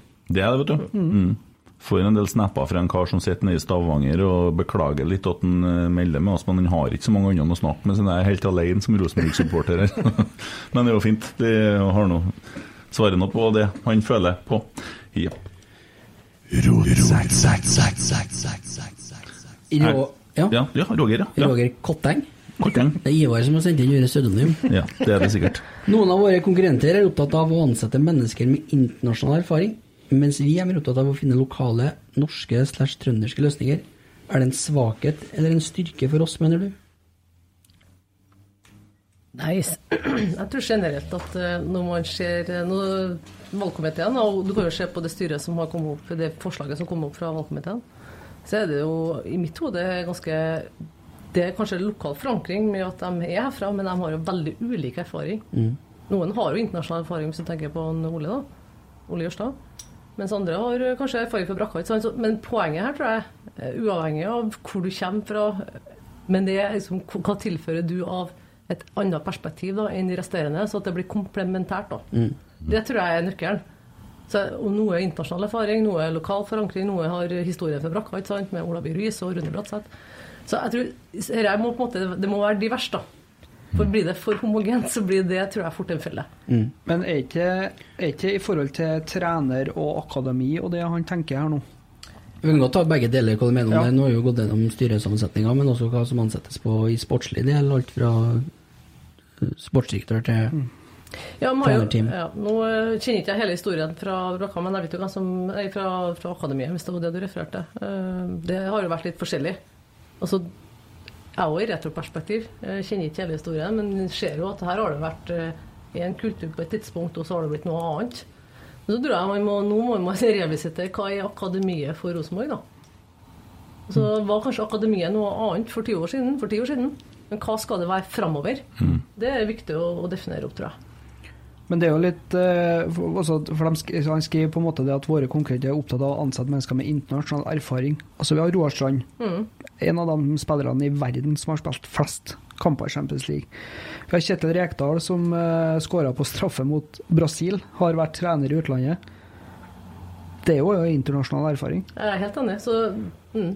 Og så har vi fått en Nils Arne Eggen 2, tror jeg, en Geir Frigård. Dæven, kan kauke. Ja, det, det, er- det er herlig, vet du. ja. Ja. Nei, men det, det, det er nydelig, det. Vi håper jo at, at uh, Rosenborg 2 uh, får et bedre år enn i fjor. Det er nå i hvert fall sikkert. Uh, Men det er jo bare å legge merke til det, at eh, Molde og Bodø-Glimt eh, dem skal vi møte i samme, samme liga. Og det er jo de klubbene som ofte blir hylla og fremheva på at de er gode på å utvikle unge spillere. De spiller i er tredje divisjon. Bodø-Glimt hylla på at de er gode til å utvikle egen spiller? Ja, det er, det er jo det som kommer igjen på Twitter og tjo og hei. Syns ikke de gjør noe annet enn å kjøpe spillere andre på seg? Nei, det kan vi De si. er jo kjøpelag. De er det, ja. Ja, Ja. Vi har jo egne spillere. Jo, men, men det er akkurat det der som er så komisk. Ja. Eh, Må har legge dere en liten reklame for siste Rasmus og Saga da, med Roar Strand. Der er vi jo en del Ja. på RBK2. Er Veldig interessant eh, lytting. Mm. Fin man podd. det. Og artig Rasmus og Saga, eh, for det at det var en Steffen som hadde podden, og det var en veldig positivt lada pod. Mm. Det var jo det. Det var det. Ja. De var ikke negative i det hele tatt. fra Så det var fint. Uh, har dere begynt å se etter trener til Rosenborg? Ja, altså hvis Enten så ryker det åt skogen, og så får han Kjetil sparken, eller så går det steinbra, så blir han henta til Hertha Berlin. Eh, Har man, har man, når begynner man å tenke på nye trenere? Go- Godt spørsmål, da, men jeg, vil jo, jeg vil jo tro at man alltid har en radar på. Men nå har vi nå nettopp ansatt et trenerteam, og Ja. vi, vi ønsker at de skal utfolde seg, eh, løfte laget, Mm. få til sportlige resultater. Mm. Vi har jo ikke noe ambisjon om noe annet nå framover, så vi fokuserer på det som skal skje nå. Så tenker jeg at hvis dette her blir veldig bra, så blir det bra for alle, og da er det ingen som vil forsvinne. Mm. Det er et artig spørsmål. Ja, det er eh, et spesielt spørsmål skylder meg, men jeg, alt kan jo skje, selvfølgelig. Ingen som vet hva morgendagen bringer. Nei, så kan vi si at han var den første som spurte. Nei, men altså, det, det, man tenker jo for at hvor lenge lang levetid har en trener hatt i Rosenborg? Den er ikke så veldig lang. Jeg håper jo at den her blir veldig lang. og jeg håper og- at vi tåler, eh, tåler litt eh, tid med utvikling, og at vi tåler litt tid med øving og trening. Og jeg sa det jo på søndag nå, vi spilte ikke kamp på fredag, vi spilte trening. Vi øver, vi øver, og vi må øve mye. Og jeg tror at det blir veldig bra. Og så er det et spørsmål hva trønderne tåler nå, da. Men kanskje tåler vi litt mer nå? Kanskje tåler det, Nå sier jeg ikke at vi ikke skal gå for gullet, for det må vi. Men kanskje tåler vi litt mer eh, enn hva vi har tålt før. Kanskje. Ja, kanskje at man må være mer tålmodig. Men jeg, vi har jo ambisjon om at vi skal vinne. Mm. Altså det, det skal vi være tøft å si, at det, det skal vi ikke. sant? Og vi vil jo ut i Europa. Det er jo det som er målet vårt. Mm. Men klart at det som du peker på, det er hva du gjør hver dag på trening. Det kjenner jeg igjen fra min egen tid òg. Du kan ikke tenke på hva du skulle gjort i morgen. Det er på treninga der og da som gjør utgjør en forskjell. Og det, det fokuset tror jeg Kjetil er jæklig god på, og trenerteamet. Mm. Å fokusere på oppgaver nå. Og som det ble sagt her, da. Kampen på fredag, ja, det var en, det var en treningskamp. Mm. Man skal øve, da. Man skal prøve å teste ut ting. Dette funka, dette funka ikke. Og det må vi tillate. Mm. Og Så får vi håpe at de har øvd nok da, til at vi begynner å nærme oss starten oppstarten på serien. At vi faktisk begynner å høste resultater av den øvelsen som er gjort. da. Så dette her er i mitt hode det er prestasjonskultur. Ja. Og det er kontinuerlig utvikling. Og jeg tenker at klarer vi å dyrke den følelsen i klubben, Da har vi kommet langt. Og så er NFF da sånn at de har satt opp Bodø-Glimt til første kamp. De er så dumme, vet du. Og så skjønner ikke de hva de gjør mot Bodø-Glimt. Første kampen til Kjetil Rekdal med Rosenborg mot Bodø. Hva tror du han tenker på? Han kommer til å rasere dem. Jeg vet det. I'm Sandra, and I'm just the professional your small business was looking for. But you didn't hire me because you didn't use LinkedIn jobs. LinkedIn has professionals you can't find anywhere else, including those who aren't actively looking for a new job but might be open to the perfect role, like me. In a given month, over 70% of LinkedIn users don't visit other leading job sites. So if you're not looking on LinkedIn, you'll miss out on great candidates like Sandra. Start hiring professionals like a professional. Post your free job on linkedin.com/people slash people today. Hey, Dave. Yeah, Randy. Since we founded Bombus, we've always said our socks, underwear, and t shirts are super soft. Any new ideas? Maybe sublimely soft. Or disgustingly cozy? Wait, what? I got it. Bombus. Absurdly comfortable essentials for yourself And for those facing homelessness. because one purchased equals one donated. Wow, did we just write an ad? Yes. Bombas. Big comfort for everyone. Go to bombas.com slash ACAST and use code ACAST for 20% off your first purchase. Millions of people have lost weight with personalized plans from Noom, like Evan, who can't stand salads and still lost 50 pounds. Salads, generally, for most people, are the easy button, right? For me, that wasn't an option. I never really was a salad guy. That's just not who I am. But Noom worked for me. Get your personalized plan today at Noom.com. Real Noom user compensated to provide their story. In four weeks, the typical Noom user can expect to lose one to two pounds per week. Individual results may vary. Vi kommer til å slå Bodø-Glimt, vi. Jeg er 100 sikker. Veldig godt Tommy får låne 1000 kroner til jeg skal sette på den kampen. Ja, det går bra. Men det er òg et veldig eh, godt poeng, syns jeg, når du ser den innsiden. Eh, Så sen, eh, Og det, det viser egentlig litt hvilke krav Geir og Kjetil setter. Eh, I ene klippet, der, som jeg hører i hvert fall, så sier han det at i går så var det så og så mange som sluntra unna springa på slutten, og noen hadde fått aksept fra fysio, bla, bla, bla. Og så sier han hvis dere skal være her, så er dere nødt til å tåle å trene, og da krever jeg at dere gjør jobben. Hvis ikke, så Mm. og, og endelig så føler jeg det at vi har en som slår i bordet og sier at sånn skal det bli. Enten så er du med, eller så får du lykke til i neste. Ja, for vi ble litt skuffa i fjor og året før. Vi var så ivrige at vi var og kikka på første treningene med Åge. og vi, vi, det her nå endelig vi satt og, Jeg var nesten så jeg begynte å grine. Jeg var så glad når han kom til Rosenborg. Jeg var så glad når han kom med bilen. Jeg sto der. Og så Med Rosenborg-flagget sitt. virka Med Rosenborg Så ut som Benny ja. Olsenball. Sto der, du, og det var ingen som så deg. Hadde ikke på seg tre skoene. Han var borte. Og så sa du jeg var så glad når han for, jeg var så glad når han for, for, for hjem til Molde. Ja, da Du var vet jeg traff jo noe en gang vet du, når jeg var nede på Ullevål og skulle spille der ute. Så ble jeg sittende med noe, da pratet vi. Og det var ikke den historien vi skulle ta nå, nei.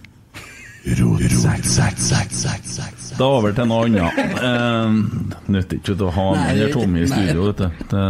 Eh, Trollkjerring og eh, en som heter Christer Nesse er litt inne på samme, så jeg kan prøve å slå opp spørsmålene hvis jeg får det til. Eh, hvorfor haster det så voldsomt for herreklubben å fullfusjonere med kvinnene? Er ikke alle best kjent med, dagen, med dagens løsning? Eh, herrer slipper å bruke penger på kvinner, og Eh, skal vi se hvis jeg tar med Ja, det er samme han å spørre. Uh, hastverk med fusjon. Hvorfor har ikke styret kommunisert noe til medlemmene fra den vedtatte femårsplanen, bortsett fra at fusjonen er fremskyndet med tre år? Først så kan jeg si at fusjonen er jo i prinsippet ikke framskynda med tre år. Det var en femårsplan. Og nå skal vi komme tilbake til medlemsmøtet, da, for nå er det jo intensjonen om at neste medlemsmøte skal vi vise hele planen, og så skal vi også begynne å ta en del diskusjon rundt risikoer og muligheter i det her. Ja. Men eh, tilbake til den femårsplanen. Altså Femårsplanen er jo liksom det her, et, den selve fusjoneringsprosessen. Det er et ledd i en større plan. Mm. Det er jo ikke sånn at når det er ferdig fusjonert, så er det liksom eh, plug and play, så er ting ferdig. Det er ting som skal skje etterpå. Mm. Og når det implementeringa av alle tiltakene er ferdig, da har vi nådd ca. fem år. Så vi ser jo for oss det er en lang prosess etterpå på å få ting på plass. Mm. Jeg er litt sånn anti-giftermål ennå. Jeg er av dem som var på det, for vi har jo et samboerskap nå, det funker fint. Eh, og så ble det sagt at nei, men det må til for at det er enkelte sponsorer som krever det. Og så har jeg sosiale medier, og så ser jeg nå at eh, nå har de signert med kvinner, de har signert, og de har signert, så de får jo inn sponsorer. Da tenker Jeg hvorfor, for jeg er livredd for at jeg ser for meg seks millioner minus. Mm. Men det er sånn at eh, begge lagene skal ha sin egen bærekraft. Ja. Så, det, så bærekraftmålet i begge lagene, at han skal ha et inntekt som forsvarer utgift, det er åpenbart. Ja, Det er målet, men det er jo ikke sånn nå. De har jo minus. Nei, ikke for foreløpig. Så ikke på det budsjettet. Og nå har jeg ikke sett siste årsmeldinga, altså det kan jeg med forbehold om det. Det vet ikke jeg. Nei. Men poenget er at de har hatt en voldsom vekst, og de begynner å vokse seg store. øh, Men de har også inntektssider som forsvarer det. Så de har jo sin egen bærekraftige økonomi, og det har jo på samme måte som herrer. Så det er jo ikke intensjonen om at det skal være noen sugerørseffekt på noen sider her. Det er ikke poenget. Det er det jeg frykter mest, for vi har ikke veldig mye penger i Rosenborg herrer heller akkurat nå. Nei, men så er det sånn da, at oppsida her, Ja. det er på sponsorsida. Og poenget og, og hele ambisjonen, hele intensjonen, er at det skal bli mer penger til sporten. Ja, men Hvis det da kommer inn en sponsor, la oss kalle det Social Screen, bare for å ta en tilfelle så må de da pengene deles 50-50 på klubbene? Det er ofte så er det, Nå kjenner kjenner ikke alle avtalene, men det- er ofte intensjonsavtaler om at man skal ha dameside eller herreside motsatt. Så det blir mer effekt av være sammenslåing. Og det er den effekten vi kikker etter. Ja, for klarer man å vurdere For det er altså, Jeg er jo klar at du har spilt på Trondheimsøren, og, og, og sånn, og markedsverdien til Trondheimsøren er jo ikke så høy som herresida. Det ser man jo på publikumstall. Mm. Og da må jo ting fordeles deretter òg, på en måte. Ja, ja. Også det som sagt, det er ikke noe intensjon om at Dammestad skal ha noe sugerør i herresida. De ja, skal jo ha sin egen bærekraftige økonomi og budsjetter. Ja. Ønsker du sammenslåing? Jeg tenker at det er en eh, naturlig utvikling videre, det tror jeg. Altså Det er det. For at hvis du ser på resten av Europa, så er det jo nesten ikke et større lag nå som ikke har det. Ja, men Har alle sammen felles økonomi? Ja, de, nei, men også at det er Nå må vi skille sak og, og ja, saken her, da. For poenget at de har jo hver sine budsjetter Ja. og, hver, og hver sine inntektsprofiler. Og så er det en fellesskapsprofil på toppen av begge to Ja. som, som har en fordeling. Og den effekten er det vi får, med, får ut med sammenslåing. Så summa summarum mer penger til dedikerte sport, både for herrer og damer. Og så får vi en effektivisering på, på at damene er i ferd med å vokse, og at man kan få synergier på, på administrasjon spesielt. Mm. Så, det, ja, så, så igjen, bærekraft er nøkkelordet. Det er jo ikke sånn at man slår seg sammen, og så plutselig så skal herrelaget gå på bekostning av damelaget, eller om omvendt. Mm. Sånn skal det ikke være. Så det er bekymringer begge veier. Ja, men sist, nei, at, eh, ikke sist medlemsmøte, men gangen før var jo fysisk oppmøte. Da skulle vi orienteres om, eh, om eh, og det. Nei, jeg var faktisk møtt opp til at vi skulle på gruppearbeid. Yes, stemmer det. Det var jo ikke mye av det. Nei, det skar seg hele det medlemsmøtet der. Ja. Så det, det skal vi rette opp i nå. Så det neste medlemsmøtet, der Rian blir fysisk, da, så skal det bli gruppearbeid. Der skal også fusjonsplanen komme frem. Da. Så det er mer transparent og tydelighet i det. Ideelt sett så skulle vi ha det tilbake i tid. Men vi vet jo alle covid og effekter av det som Ja. har Ja. Men så begynner man jo likevel å presentere ting, men så er det litt lite Det er litt mangelfull informasjon i for, forkant. Og så sitter jeg der som et brød og tenker hva faen, er, nå, nå, jo, nå, nå mister vi penger. Nå, Dette blir ikke noe bra. Det er jo min reaksjon. Mm. Ut ifra sånn som det blir presentert. Og det skal jo være sagt at på det medlemsmøtet, det, det, kan jeg nå, det har jeg nå lov til å si, så skulle jo en hvis herremann begynne å forklare ting, og det endte jo med at Karen måtte begynne å snakke sånn at folk skjønte Så det, det, det ble jo rot, det òg. Ja, og det må jo vi ta på vår kappe at eh, det skulle ha vært bedre. Ja. Uh, ja. Så det, det, vi legger opp nå til at det blir et bedre, eller forhåpentligvis en bedre kommunikasjon og transparent i forhold til hele prosessen og Ja. planen, så at medlemmene får innblikk i det. da. Ja, for at vi ønsker jo oss tatt på alvor. Mm. For det, eh, det er noe strengt satt sånn at uh, dere er medlemmenes representanter, og, og, og som egentlig skal ytre medlemmenes meninger utad, og så har man jo fått en uh, tillit til å ta ting sjøl. Jeg vil være klar på én ting. da. Altså, Ja. Rosenborg handler om sport. Det handler, Per dags dato så er det herrelaget vi har fullt fokus på. Og det er, det er vi ansvarliggjort, og det skal vi sørge for. Mm. Så dette skal ikke gå på bekostning av sporten. Det er viktig for meg å bare presisere at denne, saken her er ikke en såkalt valgkampsak, men vi tror at eh, rent økonomisk sett, kommersielt sett, så er det her beste for begge. Slå seg sammen, så at vi får mer penger tilbake til sporten, hvis vi ikke hadde gjort det samme. Mm. Men igjen, det skal ikke gå på bekostning av hverandre. Det skal, det skal faktisk at Dyrker vi herreproduktet, dyrker vi dameproduktet. Og hvis du ser det på damesida nå, så er den veksten som skjer der, kommer til å være formidabel. Vokser mye mer enn herrene relativt sett. Mm. Så nå skjer det en reise, ikke sant? Og på en måte, nå har jo Rosenborg gjort, gjort en reise, og kanskje for 20 år siden, med Champions League. Nå er damene inne i det samme. Så tror vi at dette her gir mer effekter. da. Ja. Men nå har jo jeg som Langset-supporter lært mer de siste to minuttene enn jeg har gjort de siste to månedene, pluss, pluss, pluss. Så det er jo tilbake med den åpenhets... Det er fordi at hun er bra på kommunikasjon, ikke sant? Ja. Så, så for hver gang hun snakker nå, så øker jo bare Det, det ryr jo bare inn stemma her. Ja. Og så er jeg jo selvfølgelig enig med Siste taler. Ja, jeg er helt enig i det du sier.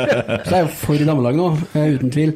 Nei, men det, det er noe i det. Altså, det er liksom å sitte her og kommunisere ut til oss og flere, forhåpentligvis. Og det du gjør nå, det jeg kjenner at det gir meg mer kunnskap om å Det et, det er et skikkelig drawback en plass her. Hva da? Det at hvis det ikke blir fusjon ennå, så blir Tore Reginussen inn i styret. Hvis det blir fusjon, så er han bare vara. Det kjente jeg, det, det, for at jeg har veldig lyst til å ha han inn i styret. Da, Men vi fikk en Ola By, da. Han er jo ja, han er foreslått, i hvert fall. Vara møter bare på ved sykdom og sånn, eller? Er Ja, det, det var det som er foreslått nå, ja. Så, men klart at uh, Tore han står jo og er jo vara, så han skal jo brukes. Mm. Så igjen, det handler om å bruke styret sitt her, da. Mm. Her er det igjen eh, ulike for... Altså, jeg, jeg er ikke noe verdensmester på noe som helst. Jeg har aldri blitt verdensmester, jeg. Har dere? Nei. Nei, Nei, nært, det, veldig nært, veldig nært. Veldig nært, men ja. eh, men poenget er at man er god på noe, og så er det andre som er gode på andre ting. Så her må man jo spille ut det bildet, faktisk. Du har kanskje vunnet VM, men det er vel Vallersundmesterskapet, det. ja, der var jeg god. I stille lengde. Liten ball. Det, Det ja, det forsvant liksom, det stille lengde. Det ble ikke noe Det, det, det sklei ut litt. Det er ikke så mye interesse rundt det lenger. aldri noe for meg, det. Nei. Lengde. Nei. Ja, nei da. Det, det var noe veldig oppklarende, egentlig. Og håper jo at eh, våre ivrige lyttere finner det litt oppklarende i forhold til denne sammenslåinga. Så blir det jo veldig spennende å se eh, på årsmøtet, da. Mhm. Eh, jeg, jeg, er jo litt sånn eh, For at man har jo kommet i en situasjon der folk begynner også å spørre om kan man kjøre det digitalt slash fysisk. Jeg klarer ikke i min villeste fantasi å se for meg hvordan det skal foregå. Nei, det, det, vi, altså vi utreder og ser på muligheten, men vi kan ikke love noe som helst. Det er Mest sannsynlig så ligger det an til fysisk. Men vi, vi skal jo sjekke ut, selvfølgelig. Mm. Eh, eh, Veteranlauget, må man ha vært lenge medlem i Rosenborg for å bli med i veteranlauget, egentlig? Minimum ti år. Jeg fant, fant medlemskort i dag jeg på å lete etter en kabel. Så fant jeg medlemskortet mitt fra 2011. Så tenkte jeg hm, nå kan jeg jo gå og stille meg i lamme, det kaller han egentlig. Det er åpning, ja. Hva så gir du til sangen? Nei, bare han er nede i veteranlauget. så da er det meg og Kjell, vet du. Ny image, da. Ny image, det? Ja, ja, ja, det blir det. Mm. Skal du ha kriteriene? Ja. Minimum 33 år og A-lagsspiller i minst to sesonger. Å, faen. Eller styremedlem i minst to perioder. Å, å. Eller minst to, ti års sammenhengende ja. medlemskap og aktiv innsats for klubben. Og det her er jo en aktiv innsats for klubben, Ja, så du kvalifiserer jo. Mm. Medlem i ti år, aktiv, ak, nei, medlem i ti år og aktiv innsats for klubben. Ja, Søknad om opptak sendes styret, som behandler opptakssøknaden og avgjør hvem som kan inviteres til å bli medlem. Send søknad på e-mail til en av styrets medlemmer. Jeg vil vente litt med den, Ja. men uh, artig. artig. Det var artig oppdag. Ja, du, du, har noe på gang der. Ja. Ser ikke mer til deg, vi nå. Men uh, fortsett det òg, da. Eh, som vi har sagt eh, mange ganger før, oppfordrer jo alle som hører på, å melde seg inn i klubben. Ja. Eh, Det har jo vært massivt. Det er jo 500 medlemmer som har kommet den siste eh, tida, da. eh, Gjennom diverse brev og ting og tang. Har dere tenkt noe på det brevet, forresten? Som de sier i media, Falkenkameratene, men det er jo ikke Falkenkameratene. Det er jo egentlig et uavhengig brev som er forfatta av dem, men som mange andre som ikke er medlem i Falkenkameratene, har Det er et brev som er signert av x antall personer. Ja, det er jo Mm. 250 medlemmer som har signert det. Ja, så det, det kom jo eh, til styret før jul, og så i den prosessen så var det midt i treneransettelsen, så vi behandla rett etter jul der. Så Mm. jeg regner med at det er sjekka ut, eller at det er svart ut. da. Det, Ja. det, Ja, for det har jo vært hyggelig med sånn at vi har lest brevet, og vi velger å gjøre det sånn og sånn, men uh, Mm. takke for interessen. Det hadde jo om en ikke vært noe. Det har vært en ting, det òg, liksom. Det har vært litt kult. Ja, nei, Mm. åpenbart. Men det, det, som sagt, det, det brevet har jo vært behandla i styret, så det er jo klart for å sendes ut om ikke svaret har gått ut allerede. Mm. Ja, tøft. Det har ikke jeg fått med meg at det har kommet noe svar. Det hadde vært artig hvis det skjer, for da er man litt sånn Man må jo møte alt. Altså, det er jo Ja. Mm. Hva sier Emil? Hva sitter du og tenker på? Nei, jeg tenkte på brevet. Skulle spørre om det i sted òg, egentlig, men eh, det var noe greit svart ut. det. Jeg tror ikke det kommet noe svar ennå, nei. Det, nei. det, Og det, det, da har vi nå fått hørt om det, vi òg, vil jeg anta. Mm. Så svar på det, da. Da er det sikkert på vei. Det, det kan Ja. jeg, ja, igjen, da kan jeg sjekke ut. Ja, for det var jo spurt om på medlemsmøtet, ja. og det er jo Så den er grei. Mm. Ingås, hva tenker du om sluttspill? Hvilket sluttspill? Eh, seriesluttspill. Ja. Sånn som de holder på å kreere nå. Det var en Norsk, norsk toppfotball med Det synes jeg- Molde-duden i. Ja. Jeg tenkte tenker på sjakk, du? hvilket som helst Nei, hvilket som helst. Europa League, Champions League. Nei, nei da. Nei, hva jeg tenker Tenker du på, det, på forslaget til nye oppsettet, eller? Ja. Ja. Nei, jeg har ikke sett det, så jeg kan ikke uttale meg så veldig mye om det. Eh, Men eh, jeg har eh, fått noen signaler om at eh, det snakkes om å endre eh, Ja, at det blir en Hva er det? Dobbel serie? Nei. Ja. Ja. Endre seriestrukturen, og så skal de ha enda flere kamper. Ja. Jeg, jeg, jeg har egentlig ikke noe Jeg har ikke, sånn at jeg har ikke lest det, så jeg har ikke noen mye kommentarer til det. Men eh, sett fra et, eh, annet, altså et ståsted på utsida av styret, da, som en person, privatperson, så tenker jeg at det er alltid artig. Det kjenner jeg fra min egen tid òg. Det er artig med et nederlag. Uh, ja. Så jeg, jeg vet ikke helt motivasjonen og rasjonalet for det, men det er sannsynligvis for å heve kvaliteten. Nei, altså, jeg fikk hørt noen rykter om at det var en fyr som hadde begynt å jobbe i NFF, og som har funnet en gammel sak, og som har snakka litt for fort. Og at det er egentlig en sånn eh, Det er ikke så mye å tenke på, for det kommer ikke til å skje. Det var, var vel noe de eh, la, på en måte la ut for eh, Det er ikke så lenge siden sist det var. 2014. Mm. Og da De ønsker jo kanskje en mer eh, dansk modell. Og det Jeg er livredd sånn forandring. Jeg liker serien sånn som den er. Det er Jeg liker, koselig, det. Så reiser Hjemme, vi til Jerv hjemme også. borte, beste laget vinner, Ja. dårligst laget rykker ned. Og så har vi cupen. Ja. Og så De har jo begynt å plukke litt på den cupen pga. covid nå. og De, så skal liksom eh, her, her eh, klubbene rundt omkring får ikke være med på en, eh, denne her lavere divisjon. Det er litt trist, for det er litt sånn Ja, er kult å kjøre seg en tur til Melhus og se kamp på. Jeg tror uansett endringer man foreslår, da, så, eh, uavhengig av saken her, da, men man må jo skjønne hva man gjør, og hvilken oppside. Det, altså, det må jo være flere oppsider enn nedsider, enten om det er sportslig, eller om det er publikumsvennlig, eller om det er kommersielle. Så vi kan ikke bare gjøre endringer for endringens skyld. Det må være merverdi i det. Så. Jeg tror personlig ikke at det er eh, spesielt publikumsvennlig. Eh, Og skal sitte på stadionene rundt om nå langt ute i desember, sånn som vi har prøvd nå. Her tror jeg det rett og slett er folk som sitter med pengesekken i forhold til norsk toppfotball, og, og media. For de, de har jo faktisk kommunisert ut at det var viktig eh, å øke produktet i Obos f.eks. For, eksempel, for å få flere folk til å se det på TV. Og jeg mener at eh, er det noe som skal og bør være viktig for norsk toppfotball, og, og spesielt klubbene, i, i press mot NFF og dem som har TV-avtalen, så er det jo å få folk på kamp. For det er det som gir det beste produktet. Litt sånn konspiratorisk innimellom, han eh, lille gutt. Han liker det. Ja. Mm. ja. Ja, men jeg er jo enig i det å få folk på kamper. Mm. Det, det må, vi må ikke glemme viktigheten. For at, eh, som sagt, det er det eneste det Rosenborg kan tilby i forhold til mye annet som er TV-sendt. Det er jo nettopp å skape eh, øyeblikkene på stadion. Mm. Det var jo det sangen handla om, ikke sant? Den nye sangen. her kommer det. Her kommer det. Ikke avbryt han nå. Ikke, ikke, hva du sa om den sangen, sa du? Ja. Skrek du når du hørte den? Jeg tenker at det, det er jo så fint. Det er jo masse følelser, ikke sant? men det er jo ikke det idrett handler om, da. Øyeblikk. Ja. Ja. La du merke til noe med videoen? Nei, videre videoen har ikke jeg sett. Å, det må du gjøre. For jeg, jeg sa til Adrian vi kjører nyere historie og unger. Det er viktig. Ja, det må skje. Jeg hørte den på radioen, derfor så jeg Å ja, du hørte den på radioen? Ja, ja, ja. du vet radioen, vet du. Skal, nå skal du få litt sånn sjølskryt. Jeg så et varsel på Facebook i stad. Da Radio Trøndelag hadde delt uh, at jeg skal på radioen i morgen halv ti. Det var det bra de gjorde, for da kom jeg på det sjøl òg. Begynner å bli er travle Ja, det er Ja. ja. Eh, ja, vi snakka oss eh, ikke bort, men eh, vi skifta jo tema, som vi er gode på. Men innom en Jon Tore Krogstad her. Det er jo en ivrig kar, vet du. ja, han er jo RBK2-beskytteren. General, ja. ja.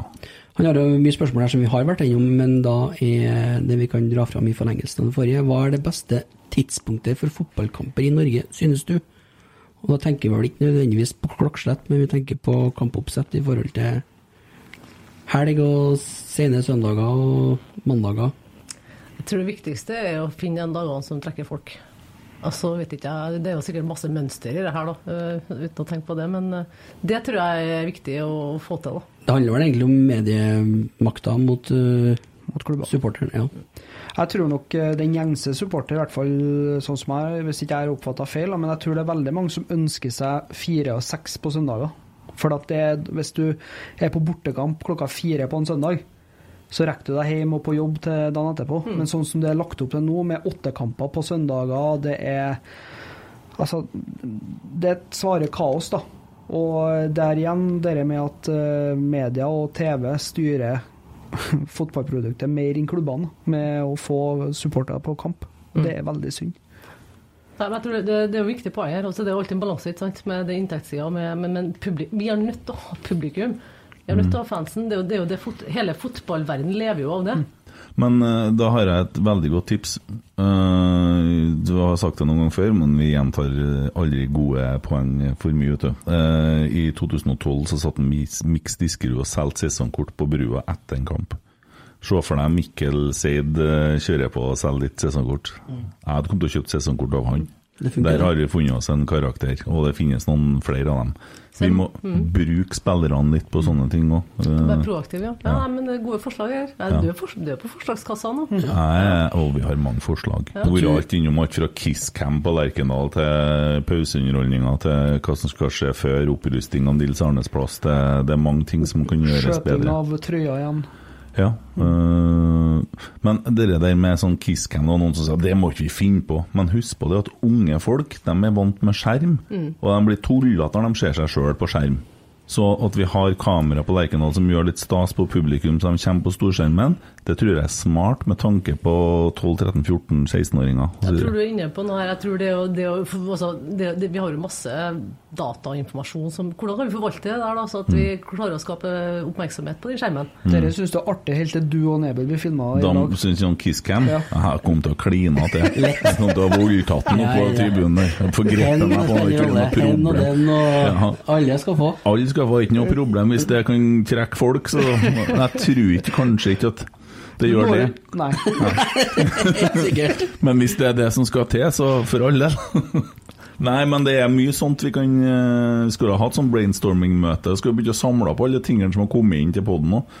Men vi kan jo, vi kan jo spesifikt uh, finne på et eller annet der, vi ber om at folk sender inn sine ideer om hvordan vi skal få folk på kamp. Yes. Det sier vi her og nå, og det ønsker vi faktisk at vi skal få Hvor skal vi få det hen, da?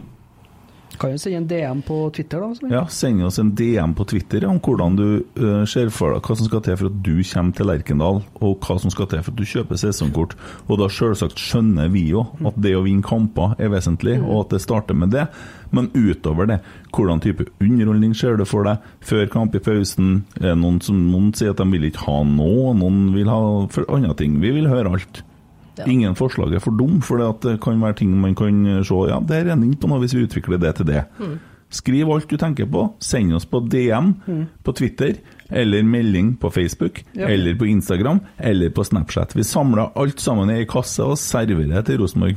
Start meldinga med hashtag SES. Se. Sille, Silde. Sille. ja. Silde. Silde. Silde.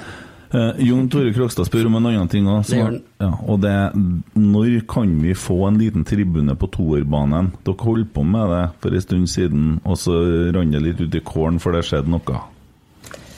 Det stemmer nok. Eh, Det har vært eh, Altså, vi har masse planer. Det er jo Wall of Fame, og det er flere sånne initiativ som vi er kikker på, da. Ja. Så vi tar det tid om pø i forhold til alt annet som skal gå opp også på, på sport og ja. Ja, vi spilte vel med dispens i fjor, for det var vel egentlig krav til noen sitteplasser i den divisjonen som Rosenborg 2 var i. Ja, så det, det, ligger på, altså det ligger på blokka til tegneblokka. Eh, Ja. Ja. Det har bare ikke kommet dit at vi har tatt noen beslutning rundt det ennå. Wall of Fame, kommer vi dit?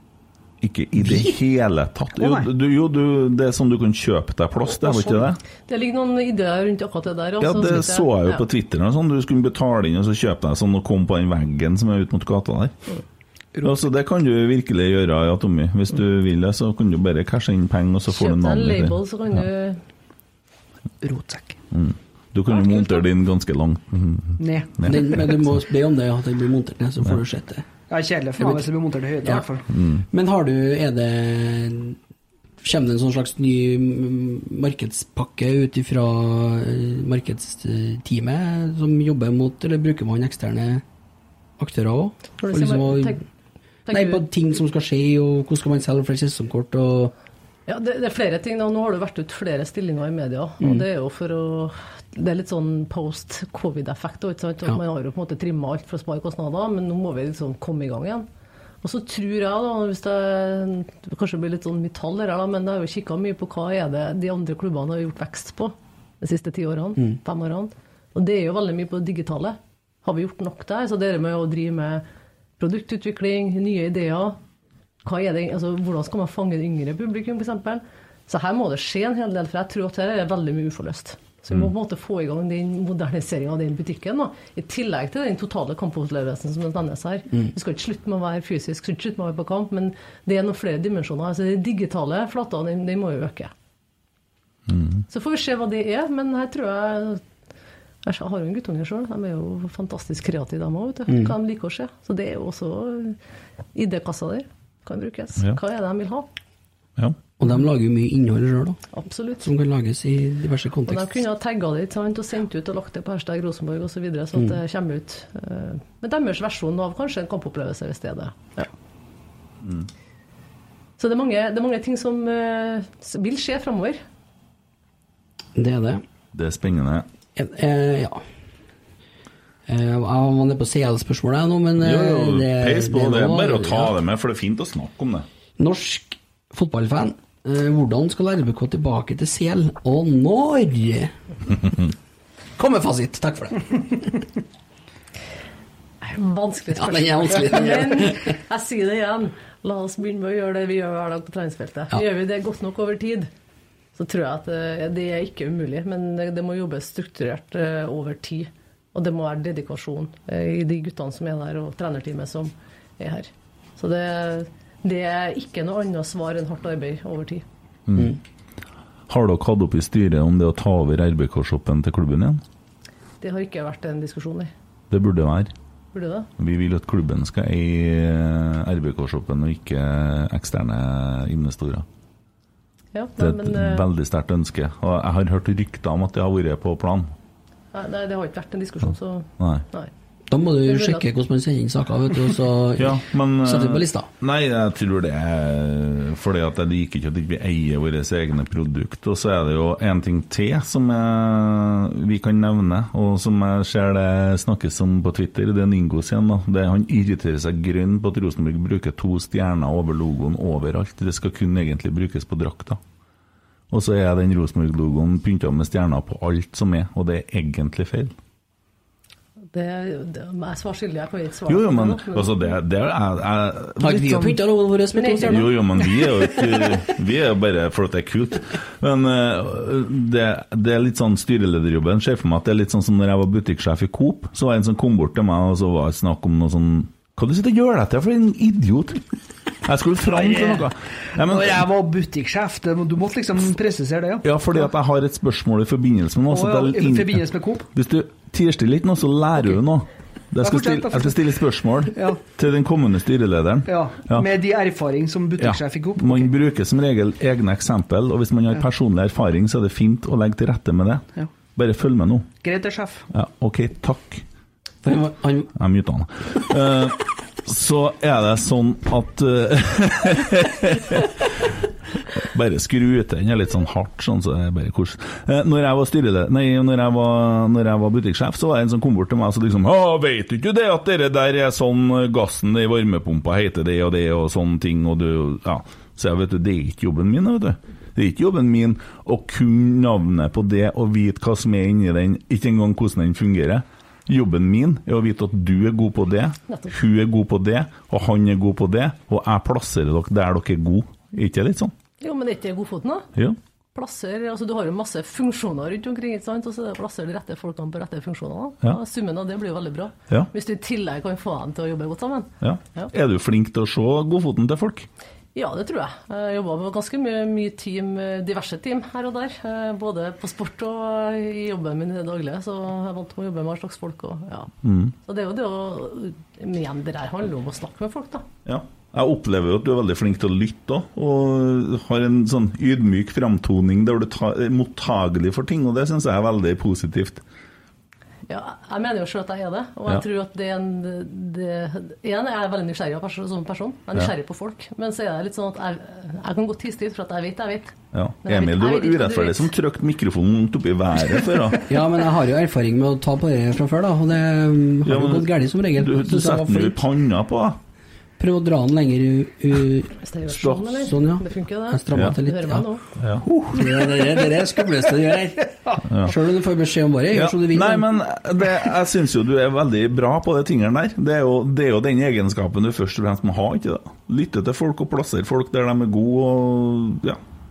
Jo, jeg tror at det, det er nøkkelen. Og det er litt tilbake til Nils Arne. Det var vel den eh, formelen han jo fant. Mm. Han sa jo at han, eh, han ville ikke vite hva folk var dårligere, ville han? Han ville vite hva folk var gode på. Ja. Det skulle han bli bedre på, ikke sant? Kommer du til å være streng noen gang? Jeg kan være ganske kompromissløs hvis jeg har bestemt meg for en del ting, ja. Jeg så det blikket, eller? Du må gjerne spørre han jeg bor sammen med. Ja, nei, ja, jeg tror det. Nei, men klart at eh, Hvis du setter eh, hvis du, altså, Igjen tilbake, det er kanskje litt sånn styrets arbeid. da, Det å sette en strategi. Altså Ja. Legge en handlingsplan bak det. Mm. Vi skal jo ikke utøve det. Det skal utøves av de funksjonene og det daglige og sporten og alt det der. Mm. Men vi må jo være veldig tydelige på at forventningene som ligger på den veien, for at vi skal lykkes. Hvis vi ikke klarer å, å ta de stegene da, i den Mm. tida vi forventer at det skal bli gjort, Ja. så når vi ikke de målene. da. Men her, her er jo, altså for meg så fremstår det her, her vervet som det er. Mm. Som en fulltidsjobb. Han, han er jo på brakka fra morgen til kveld enkelte ganger. Du har en annen jobb òg, har du ikke det? Jeg har en annen jobb, men klart at styret ikke, skal ikke være utøvende i daglig. Vi skal igjen gå tilbake til, vi skal etablere rammeverkene og sette standarden for, for hvordan ting skal være. Mm. Og så er det jo eh, det daglige med Tove på, på, på admin. Og så er det jo det sportslige som skal gjøre jobben. Jeg skal ikke fortelle Kjetil om hvordan pasninger guttene skal kjøre. Glem det. Det, det kommer ikke til å skje. Du kan ta det på SMS, da. Ja, ta det på SMS Ja, det under det. kamp, det, det er innafor. Kjetil vet veldig godt hvor lista ligger. Jeg tror ikke han trenger å bli fortalt det. Og så tenker jeg at uh, vi skal legge til rette for at det blir bra. Jeg skulle ha sett noe, men har fått en SMS med et Det tror jeg. Og snudd seg og pælma Men telefonen. det var litt artig når vi sa til henne her at nå vet du, nå er ikke du som skal bli pissa på, nå er det du som skal pisse. Nå det, nå er det du som er giver og ikke taker. Det her blir en annen hverdag, gutten min. Ny setting. Og så har vi en jævla ålreit ordning her da, i Rotsekk. Det er sånn at Hvis du må være mye på brakka i vervet, så kan vi ta over jobben din tidvis. Vi har samme dealen med Ola by. Ja. Så det, da stiller vi opp i, der du trenger det. Ja, hva er holder det. du på med ellers om dagene? På Ekne, hvor det var det? Jeg jobber i Equinor, ja. Ja. Mm, Hva, vi må, hva vi må gjøre da, hvis vi skal steppe inn for deg der? Er det, noe, er det vanskelig? Strategidirektør, Her? Jeg jobber med strategi, og så er jeg ansvarlig for eh, mm, Høres veldig teknisk ut. Jeg er jo teknonerd. Ja. Og så er jeg jo ja, nerd på teknologi generelt. Mm. Så jeg har ansvaret for selskapet sin strategi for hvordan vi skal satse på teknologi framover. Det er en stor jobb, det. For Equinor. Mm. Hvor vanskelig kan det være, da? Nei, det kan jo umulig være an å være enn å gi ut en sånn Vi oppretter bare en Snapchat-konto og kjører på Twitter. Så ja. vi ordner vi et Ja, par vi tar uker hvis du kaffe, trenger så fikser vi det lett. Ja, ja. Pusher vi bare på noen storyer, og så henger folk seg på fort. Ja. Og så får du publikum da, og sånne ting. Det er ikke så Det er som å spille på Røros, det, tenker jeg. Det er ikke Jeg ser jo at det har jo vært en svikt i, i, til driftsavdelinga i Rotsak her. Ja, med jeg stusset på- Det skulle vært dobbeltsidig her, men det er en prosess jeg skal være åpen om senere. Eh, Ja. Så noen spørsmål til det. Så vi- du har halvparten av spørsmålene sitter bare du med, det er det du sier? Ja, eller twitter.no. Har også noen flere. Det er håpløst. Jeg tenkte det var litt tynt å komme med to ark. Tenkte jeg, Det var da flere. Ja, det skulle ha vært dobbelt her, Ja. men Men- Tenk kanskje du var sensuravdelinga i Rotsak kanskje? Men uh, uansett, da. Malcolm spør er det noen planer om opprusting av stadion. Nei, jeg tror ikke det ble nei, altså, Vi snakka mye om uh, klokkesvingen og eiendom generelt, da. Ja, Det- kan, det- kan ikke vi ta så riv Øvre Øst når at vi bygger Klokkesvingen? Så riv hele den sida, østsida, og så bygg en ny en ifra målet, og- som henger opp hele veien opp. Faen, det hadde vært tøft. Sånn Dortmund-stil? Å, det har vært herlig. det Det har jo Magnus, ja. ja, det har Magnus Storsved vært innom. Ja, det har vært herlig. Jeg tror det er mye som har vært drittkult, da. Men klart at vi, vi må jo være helt ansvarlige i forhold til forbruk av penger her, så vi må jo balansere alt. Nei, men Nils Gutle var her, han begynte å rive den før han kom inn i rommet. Han var klar for det, han. Og han skal nå slås sammen med det andre styret nå, så nei, han blir ikke med, han da. Nei, han var i hvert fall ikke innstilt. Nei, nei. nei. Nei, men eh, Det sa han vel i den episoden òg, at det var noe av det de kanskje angra mest på, var det at de har bygd det i to plan. Mm. Fordi at uh, det hadde vært rimelig heftig med en vegg på begge sidene, egentlig. Mm. Men uh, sånn ble det ikke. Men det er enkelt å si det etterkant, da. Men det blir dyrt å gjøre det om i så fall. Men uh, ja. Det er bare litt betong. egentlig. Men kan, kan, kan jeg komme med et forslag på navn til de nye byggene som blir eh, bak Øvre Øst? Ja, det må da være lov, det òg, tenker Det må jeg. hete det må hete Klokkesvingen. Klokesvingen, ja. Klokkesvingen. Ja, ja. Det er ikke noe annet navn der, det er jo Klokkesvingen. Det var der onkel Bjørn sto og fe- feira. Jeg husker jo sjøl jeg sto her under på gressmatta der, og, Ja. skråninga og gjørmete og jæklig. Og dere kan kalle det hva dere vil, Mm. men vi kommer til å kalle det Klokkesvingen. Om dere bygger ei kirke der, så blir den kalt Klokkesvingen. Det hjelper ikke hva dere bygger, det blir Klokkesvingen. Det skal hete Klokkesvingen, så det, det var ikke et spørsmål. jeg ser ikke bort ifra at det blir sånn, da, for det kalles jo fortsatt klokkesvingen. Så, Mm. ja. Kan jeg lese opp en ting fra Tom Kenneth, bare? Ja, det kan jeg gjøre. Ja, for det er litt artig. Og han, litt, eh, Tom Kenneth er søskenbarnet mitt, og sønnen til nevnte onkel Bjørn. Og han ønsker å avvæpne den kritikken fra Minium innavl og kun spørsmål fra mine slektninger. Eh, Jeg har jo en gedigen slekt, og mine fem døtre er bare en fis i fønvind i forhold til antall unger vår oldefar Sofus hadde. Og spørsmålet er til deg og Tommy, hvor mange unger tror du en oldefar Sofus hadde? Sofus, Sofus Øyne, han hadde Mellom, mellom. Ok, ja. Jeg er mest imponert over at han heter Sofus. Da. Ja, det, det er ryddig. Det er ryddig. Du liker jo ord med F i, så det er greit. Så heter det egentlig Sopus. Sofus. Eh, men jeg har lyst til å gå ut veldig høyt her, da. Da sier jeg 17. Det er midt i blinken! Oi, oi, oi, oi, oi! Ja. Mormor, hadde, mormor hadde 16 søsken, ja. Og bare to tvillingpar. Ja. Det, og det huset var lite. Nei, det, det, det var fin tid. Alvor. Ja. Ikke rart det blir mye. Ja. Så Jon, Jonas spør om vi kan ta samme dilemma, men det gjør vi bare ikke. Jeg vet ikke om du har hørt den, men vi gjør ikke det. Altså. Det er for det, det er litt Det er ikke noe, det er ikke noe innafor. Så det har vært veldig artig òg, da. Jeg tør ikke. Eh, Er det noen som tørster? jeg, jeg kan ta Jeg skal eh, kanskje etterpå. Nei, det er nå eller aldri. Nei, kanskje på slutten. Det er en som skriver 'tørs ikke lell'. Nei, vi glemmer det på slutten. Nei, jeg noterer det nå. Det noterer er helt blankt der, ser du. Ja, noter den, da. Men jeg skriver D istedenfor F i midten her. Date. Nei! Nei, ok, da. Sånn, så får vi se skal vi er ja født i 76 år, da. vært ute i vinterdag Sett Sopranos og følger med på verden sånn som den er. Har du noen favorittserie sånn som du henger på tida for tida? Nei, ikke akkurat på tida, nei. Nei? Jeg har ikke hatt så mye tida. Nei, skal du ha et tips når Ja. du skal slappe av og koble ut? Yellowstone. Du, den har jeg lest om. Ja. jeg vurdert den. Ja, den må Hvis du liker litt sånn Nei, den har alt, egentlig. Det er viktig med litt seere som bare kobler av hverdagen. Ja, det, er- det er det, for da stenger du ut alt Yes. annet. Og det må du gjøre. Men apropos det, da. 1883. Ja. Den begynner å i langtrygd og Nei, den er koselig. Nei, Ja. ja. Ja. det er, Ja. Beklager til alle dem som har sendt inn spørsmål som ikke ble nevnt ennå. men Nå ble det travelt til meg nå, for noe Nei, hva er det du holder på med? Det er fullt av spørsmål. Det er 35, eh, og 20 av dem står på lista. Ja. Men eh, Martin Rosenborg da, spør Det er to spørsmål det er, vi skal ha med begge. Hvem så du opp til som ung? Av fotballspillerne, tenker jeg. Det kan du velge, tenker jeg. Skal vi, ja. Det- Steve Jobs. Nei, men jeg skal fortelle dere en historie. Eh, Jeg tror jeg var Det var jeg var 87. Må sjekke fakta akkurat nå. Men da er Ja, der er vi gode. Jeg husker det, ja. Ja, du gjør det, ja? Jeg var ikke født ennå, da. Nei. Da var jeg første gang på Lerkendal, og da Ikke første gangen. Jeg var på Lerkendal som eh, balljente. Mm. Jeg var førsten som var Å, det var det, ja? ja. Ja, så det. Og vet du da, vet du, det er helt artig. Da var det jo en Olaby som sto i mål. Og så var jeg og hørte på et foredrag, så jeg var med faderen. da. Så vi gikk ned i kjelleren på brakka, og så hadde foredrag av Rune Bratseth, for da hadde han nettopp blitt proff i Veidebrømmet. Mm. Litt ironisk da, at uh, vi sitter i samme styre nå. Det er jo. Ja. Det er kult. Og du blir litt sånn sjefen. Du blir, litt, du blir lederen. ja, men jeg er noe litt sånn inkluderende leder, Han, altså, jeg liker ikke å si at jeg skal Ja, peke fingeren du, i. du er litt sånn Marit Breivik, du. Du er litt sånn du, du hører på alle, på en måte. Ja, og så er det å spille folk gode, og få dem på å ta ansvar. Ja. Steppe opp. Ja.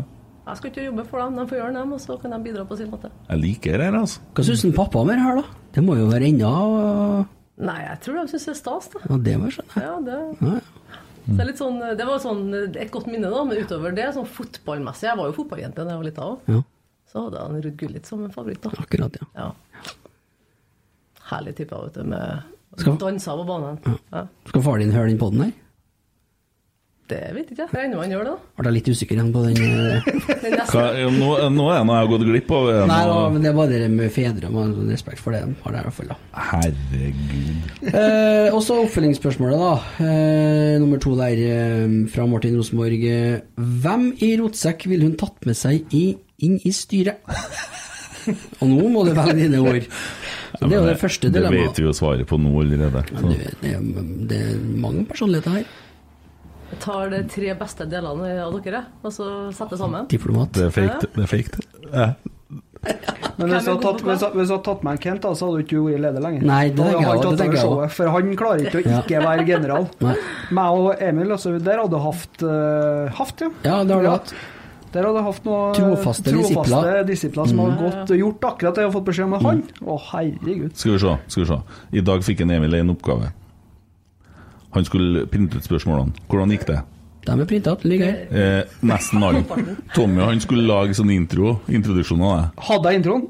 Ja, men Ja. hadde Hadde jeg meg med telefon? Ja. ja, måtte, Ha- Setter jeg meg telefonen her? Ja. Ja, det hadde jeg. Men introen var jo like lang som deg, Ja, kontra min mini-intro. Og så sitter du med et headset på og snakker i en mikrofon inn til en maskin. Hvordan går det her? Hvor fikk du det fra? Nei, må du skjerpe deg, gutt. Du kommer til dekka bord hver gang. Ja. Ja, Ja, Ja. men, ja, ja. vær så god. Jo, jo, for Ja, all del. ja. Men altså, du hadde jo kommet og tatt over styringa. Du er general. Ikke prøv å være ydmyk. Ikke prøv. Jeg har da vært Jeg har da sittet i styret i Namsos Arbeiderparti. Jeg sa aldri noen ting, jeg. Du satt i styret, ja. Ja, jeg var i styret der, jeg. Ja, men i Rosenborg der har du mye på hjertet, så der har du kommet til å tatt over for styret der. 100 Nei, jeg hadde Jo. kommet til retta opp hånda og så sagt meninga mi, så jeg måtte akseptert at den ble nedstemt. og så har jeg kommet med noen gode forslag noen gang. Ja, nei, jeg Jeg har jo, har jo hatt ei som har sett uh, kvalitetene mine, som har spilt meg god. Ja. Ok. ja. Nei, men jeg tror hun har kommet til å være det, ikke mer, Emil. Sånn er det. Tror jeg, som du Ja, ja, ja. valgt, ja. ja, ja. Stolt tjenesteminister Stoltenberg spør hva, hva er det de har gjort riktig i Glimt? Nei, men herregud. Ja, vil høre litt mer om andre ting. Det er jo ikke noe interessant Jo, det det. spørsmål. Om, hva du kalt det? Blink? Det var ikke det. Glimt. Bodø-blink? Blink. Ja. Øyeglimt. Ja, det er sånn ja, Det er over, det der. Vær så god. Skal jeg svare på det? Mm. Nei, de hadde måttet ha gjort mye riktig over tid, da. Det er ikke noe tvil om. Ja, og spesielt på sport. Også, ja. så klart at det de har fått til, det, det, det, det skal vi ha fått til. Og det skal gjerne bli bedre enn det òg, ikke sant? For vi må jo bli tenkt på at vi alltid vil bli mer babyer. Skal være sulten. Men eh, det handler jo om kontinuitet over tid. Og det handler om eh, at eh, man skaper trygghet på feltet, ikke sant? og kommunikasjon med guttene er bra. Og når jeg sier kommunikasjon, så er det spillestilen. Det er jo en egen sjanger i seg sjøl. For vi er jo ferdig med Glimt nå, de to årene der. Ja, det der eventyret er over, ja. Ja ja, det varte ett år for lenge. Go Celtic, sier jeg. Det er lei av disse nordlendingene. Altså. De sitter bare og selger heimbrent på Twitter, de nå. Det gjør de. Ja. Eller 4 vann, som de kaller det. Nei, det er der. Det er ikke noe igjen av det. Det er off. Um, hadde du en historie å fortelle oss på Du hopper mye. Jeg hadde jo noen spørsmål der, jeg òg. Ja, vi kan komme tilbake til det. vet du. Du, du har god tid i dag. Jeg tenker på, Vi har noen fornemme gjester her. Ja, jeg har fått inn en artig historie. Den handla om gress, den òg. Som vi snakka om i stad. Jeg må bare bytte konto. Det er så mange kontoer, vet du. Sånn er det oppi der. Eh, skal vi se Ehm, Der er en Nei, da åpna jeg feil. Du tok meg litt på senga her. Ja, men jeg kjenner hvordan det jeg har lovt at den skal være anonym, da. Uh, for det er veldig viktig for vedkommende. Uh, men vi har nå hatt en liten dialog rundt den nevnte sangen. Og så har han jobba i radio en gang i tida. Så må jeg prøve å fortelle den historien her uten å nevne hvilken radio, uten å nevne personen og uten å nevne plassen. Så får vi håpe at det blir like morsomt likevel. Jeg har forresten en syk radiohistorie som aldri under noen omstendigheter kan komme ut, men jeg får lov hvis jeg, får, hvis jeg sledder, og det er det jeg skal prøve. Jeg forteller det til deg, for jeg tror du kanskje vil synes den er artig, og det er ikke så mange som har hørt den før. Da jeg jobba i radio, så hadde jeg en periode jeg var litt glad i tjall. En eh, kveld ble jeg stoppa av politiet og kasta på glattcelle i fem timer. Var i besittelse av ei lita flis, bare. Kjørte ikke rusa, men ble likevel tatt og mista lappen. Men det er ikke poenget. Poenget med historien er at fem timer etter jeg kom fra glattcella, sto jeg opp, Dro på jobb og leda nyhetssendinga på radioen. Jeg måtte lese opp nyheter om min egen pågripelse. En mann i 20-årene ble i dag stanset av politiet i mm, Mannen hadde narkotika på seg og ble anmeldt. Rett ved min side satt sjefen min og kollegaene mine og ante ikke at jeg snakka om meg sjøl. Dæven, han skulle være svett! Hva du tror kan slite? Da er vi tilbake på piloten på Taliban-flyet. Steike, da. Eh, Jonas spør Skal jeg stille spørsmålet som han spør deg? Slektning av deg, eller? Ja. På en skala fra Roarstrand til Bent Skammelsrud Det er jeg veldig usikker på hvordan Ja, men den er fin, den er fin. Den er veldig fin. Ja, På en skala fra Roarstrand til Bent Skammelsrud, hvor mye bedre kandidat er du enn Tore på sporet? Det var et innfløkt spørsmål, men jeg, jeg, jeg, har ikke, jeg kan ikke sammenligne meg med Tore. Jeg kjenner jo ikke han, så hva han står for, får han sjøl si. Ja. Og så kan jeg bare være meg sjøl. Ja, Vi har jo en ganske enkel eh, svar på det. Dere kunne jo bare høre den poden hvor Tore var gjest her, og så kan dere finne ut hvem som er Bent og Roar, da. Eller Roar. ja. For det har jo på en måte to å vise til. Uh, ja. Det trenger ikke ta med de andre tre andre, for det er jo bare ræl. Så mm. Det er det dilemmaet, Emil. Skal du tørs, og dem- det er mange som sier at ikke vi tør å si det til henne, fordi at de tror at vi sitter her og er redde nå. Nei, jeg er, jo, jeg er jo mer redd for et diplomatisk svar, da. Nei, det er, jo, det er jo helt håpløst å ta opp. Det, det vi er utfordra på vi, Du har jo vært Hva heter det egentlig på engelsk? Uh, Marry, fuck, kill. Ja. Vi hadde han Emil, som er han fjerdemann som sitter hjemme og feirer bursdag.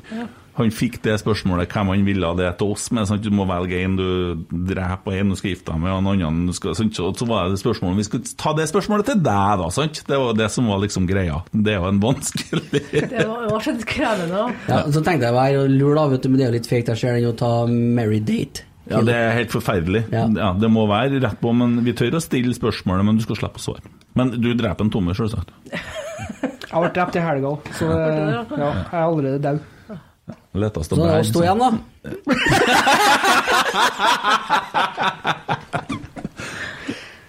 Å, fy faen. Nei, Nei, det blir vanskelig. Ja. Dere er så gode karer at ja, vi er gode karer, ja. Ja, det, det, det, det skal jeg ta med meg hjem. Ja. Veldig gode karer. Nei, men har vi fått med oss alt, eller? Ja, Vi har vært gjennom eh, det meste. Det er jo mye gjentagende spørsmål, da, vet du. Ja, så kjenner så Thomas Er du god på å si ingen kommentar, eller er det sånn at du må lire ut av deg noe for media? Vet du, Ikke da skal si ingen kommentar. Ja, det, det er svaret, ja. Playoff har vi hatt, og ja. Nei, vi har jo vært innom det. Der kommer spørsmål om eh, adressa-tribunen, ja, og bygge om den. Det er, jo, det er jo mange muligheter bakom der, da. Det blir Ja, det, det er det jo klart at eh, vi må nå se på Det der er jo en annen side av forretningen. Også. Hvordan skal man utvikle de arealene som man har, eh, Mm. for å få en kontantstrøm inn? da? For at Hvis du ikke får til den verdien av å bare ha den eiendommen, så gir du ikke inntekt. Så vi må, hva kan vi gjøre? Ja. Og Det er en viktig Men er det da tanken at det der da fremover dere skal ha styremøtene, eller brakka er jo Er det brakka som er brakka, liksom? Ja, nei, nå, jeg- skal ikke ta forhold til det, men brakka er jo et eh, ikon, da, ikke sant? Ja, vi må beholde brakka. Ja. Så det, ja. Jeg, har ikke, jeg tar ikke stilling til det spørsmålet. Jeg bare ser for meg at der er vi nå, og der Ja. blir vi inntil videre. Ja, Det blir spennende med litt bygging bak Lerkendal. Jeg gleder meg til det.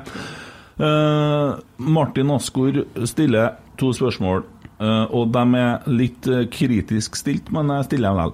Og der er jo litt sånn, for det er jo litt sånn by- klangen i det sosiale media nå.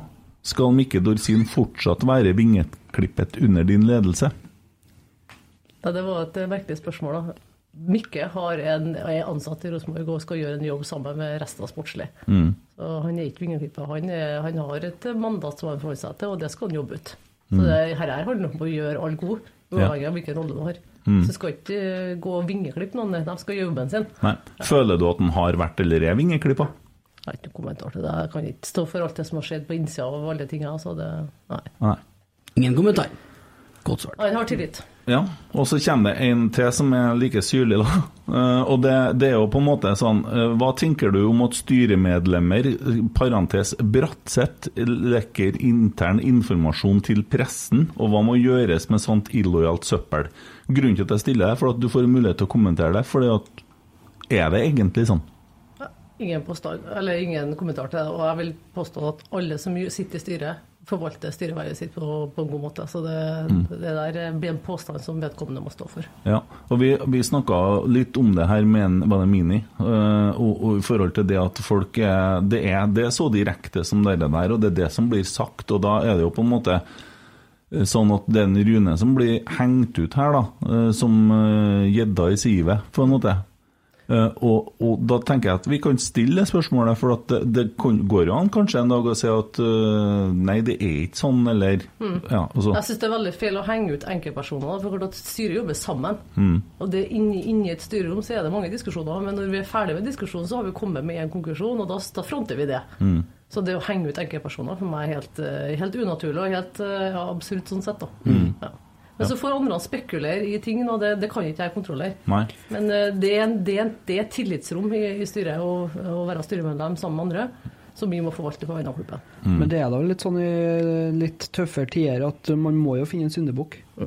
En syndebukk må man finne, og så er det kanskje Jo, men jeg har latt meg blitt fortalt at Rune Bratseth er en synder i enkelte sammenhenger, og jeg har gått og det har jeg trodd på. Og det, det er sånne ting folk sier, og så sprer det seg, så blir det en sånn sannhet til slutt på Mm. sosiale medier.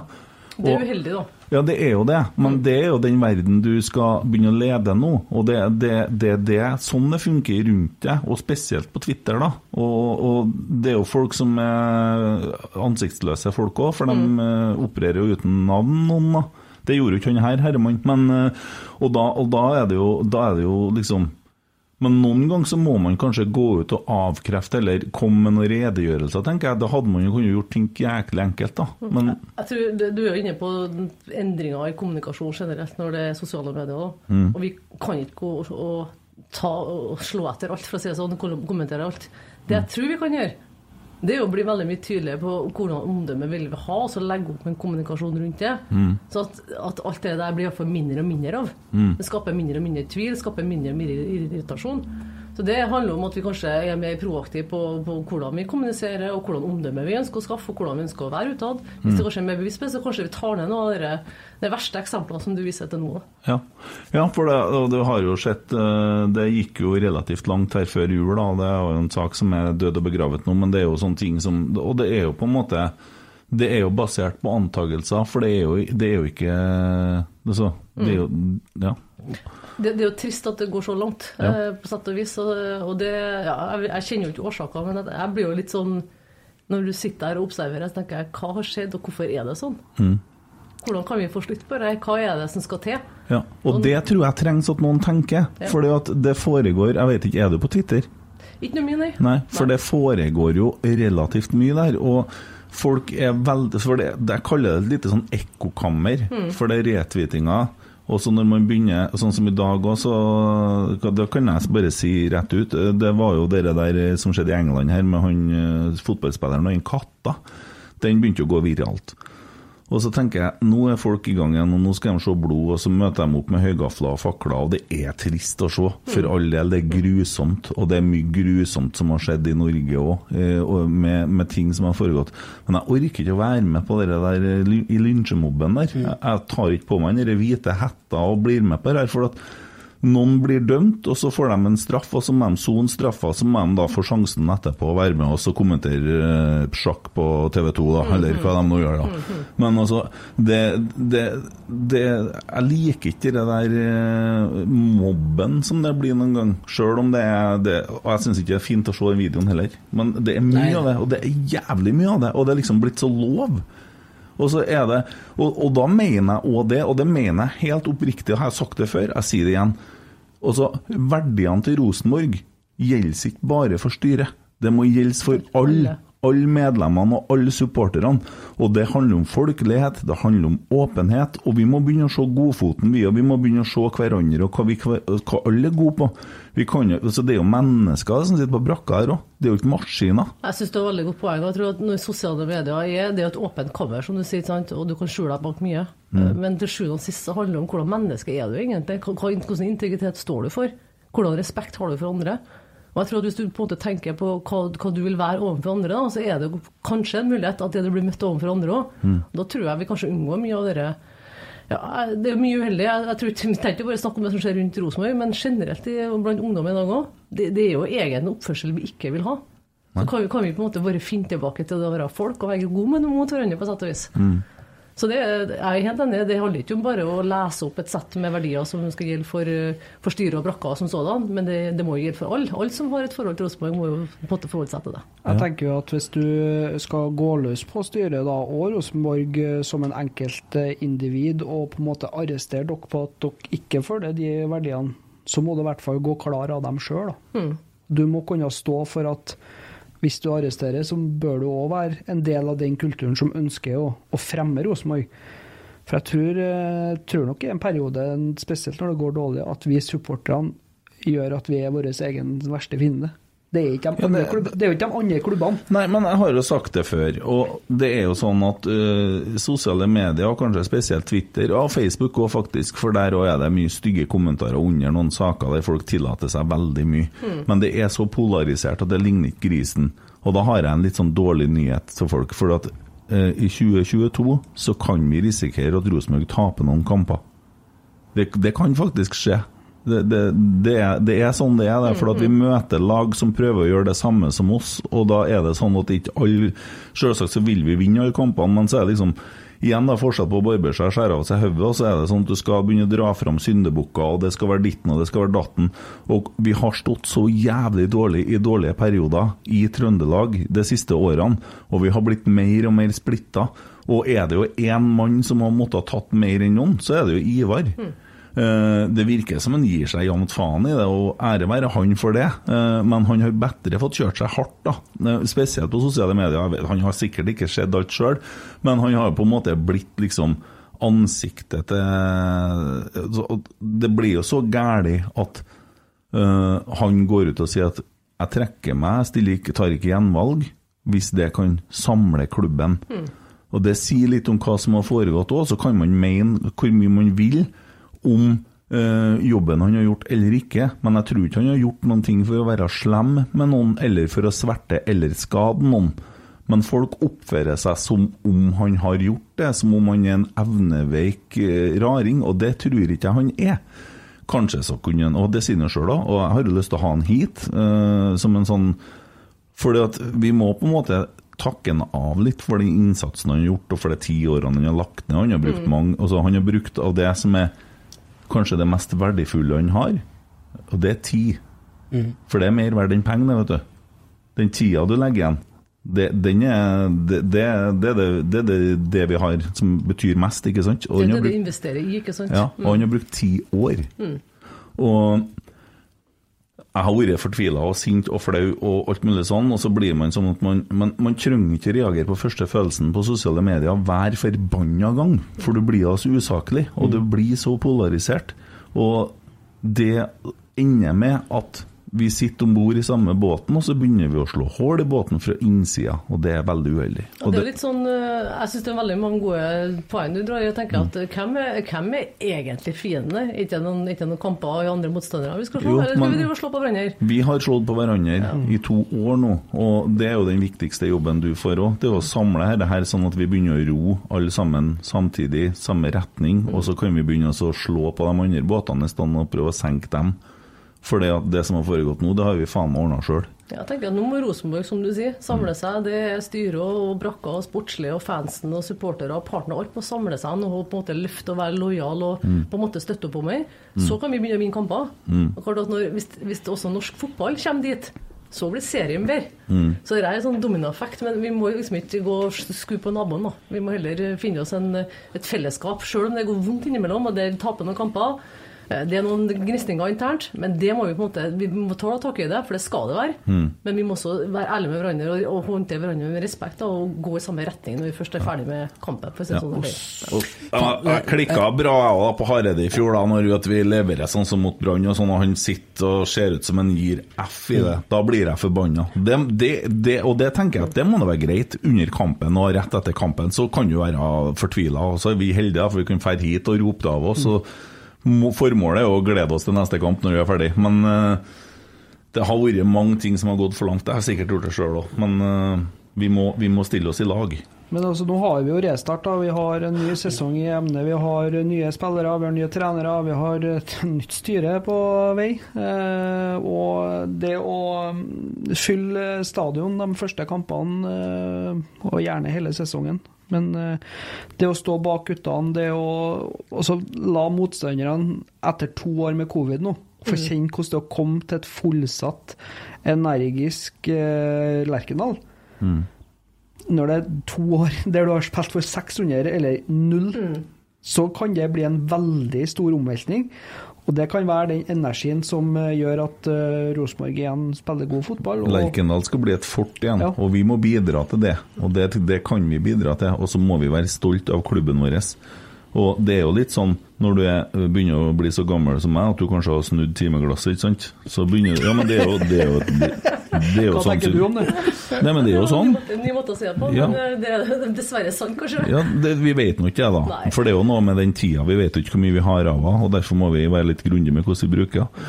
Men uh, jeg har så lyst til å glede meg over Rosenborg, og det er en så stor del av identiteten min, at jeg, jeg vil ha det bra på den veien. Og det der har jeg prøvd å forklare folk eh, underveis. Og selv om jeg ikke får igjen Champions League og alt det der òg, så vil jeg fortsatt ha den delen av livet mitt der jeg kan glede meg til kamp og ha den her fine tingen som jeg egentlig ikke betyr en skit i det store sammenhengen sånn i livet mitt, annet enn at det skal være min avkobling, min Yellowstone-serie, der jeg kan sitte og følge med litt i sosiale medier og sånt, men jeg vil glede meg. Jeg vil ikke sitte og ha det ondt og lese drit og ræl og negative omtaler og journalister som fokuserer kun med negativ vinkling og, og som leter feil i eninger, De må jo, de må jo være stokk dumme noen ganger, de journalistene, for de graver jo sin egen grav. Hvis de oppnår det, det som, er, som hvis, at, hvis at vi får et dårlig år nå, så skal det da kritiseres opp og i mente. Da fjerner man tilskuertall, for det gjør sånn negativ kritikk. Og fjerner man tilskuertall, så ender man til slutt med likegyldighet. Og da er det ingen som orker å lese de sakene der. Så man må da balansere det der som journalist òg. Derfor så var det så fint å høre Rasmus og Saga i går, for det var ene og alene positivt, og vi trenger da det. Men jeg tenker det, det er alltid to måter å løse et problem på. Enten Mm. så kan du gå og fortelle hvor jæklig dårlige ting var. Eller så kan du tenke at fanken, her er det mye å ta tak i, la oss gå i den retningen for å bli bedre. Det, Mm. sånn, det valget har du bestandig. Hvis du alltid velger negativt, så er det neppe at du har valgt rett vei, tenker jeg. Nei, og Men hvis du alltid tenker på at det kan bli bedre, opp og frem eh, Det er jo et kjempeforbedringspotensial, så sånn sett er det positivt til det òg. Men da tar du en helt annen tilnærming, så klarer du kanskje på den veien å skape litt mer entusiasme. Da. Faen, Tommy, nå tror jeg han Kent snakka seg inn på den styreplassen. Eh, den monologen det, det Men vi kan godt være styremedlemmer, vi. Det, Nei, det visste dere før vi begynte, at det, det, var, det, det var ikke noe problem. Nei, men altså, det, det er jo et ansvar for Rosenborg, det er ansvaret for supporterne. Jeg syns òg det er et ansvar, selv om Nidaros og, og Adressa sier at ja, men vi skal være kritiske. Ja, det er greit å være kritisk. Og på en måte ansvarliggjøre det Rosenborg kommuniserer utad. Men de kan òg vri til, i stedet for å skrive det at uh, de to tingene her skal. Renzo, Renzo må bli bedre på, så kan de på en måte skrive eh, saken på. Kan er god på. Etter ei kvart trening, ja. Ja, og etter 16 timer reising. Ja. Så, så, så Marius Dahl, Petter Rasmus, Ole Sagbakken, Simen Pedersen, skjerp dere. Ferdig. skulle han prøve å ta over den der eh, Ja. lille moven, hørte jeg? Ja. Men uh, vi lar han få den. Det går Ja. bra. Ja. Men det blir ikke styreplass. Nei, nei, nei. nei. Det er jo Nei, det nei, det der det er jo- Det er jo sånn supporterprat på det, vet du. Langsidig supporterprat. Det er sånn supporter av meg-prat, for han ble litt bevega, altså. skal han fullføre. Det er artig, det. Er vi her, eller? Nei, jeg er vet du. Nei, men eh, det, er, det er mye bra, da. Det er mye koselig. Og vi har sittet her Vi snakka om TIS, da. Nå har vi jo vært så heldige og fått eh, to timer av livet ditt òg. Oi, seriøst, det har gått så, så fort, ja. Mm. ja. Det har vært hyggelig. Tiden flyr i godt selskap. Det er gode samtaler, det er viktig, det. Men det er sporty da, å stille opp da og svare på spørsmål på strak arm, det syns jeg. Så ikke jeg alle svarene, det har ikke jeg. Nei da, men det er vi skal jobbe med å klargjøre, det skal vi. Jeg er litt glad for at du ikke har alle svarene, da, for det syns jeg er litt sånn bra. Det, det er jo et godt tegn. Ja, Mm. Så blir det spennende årsmøte. det blir det. Mm. Så som du sier, oppfordrer folk til å melde seg inn.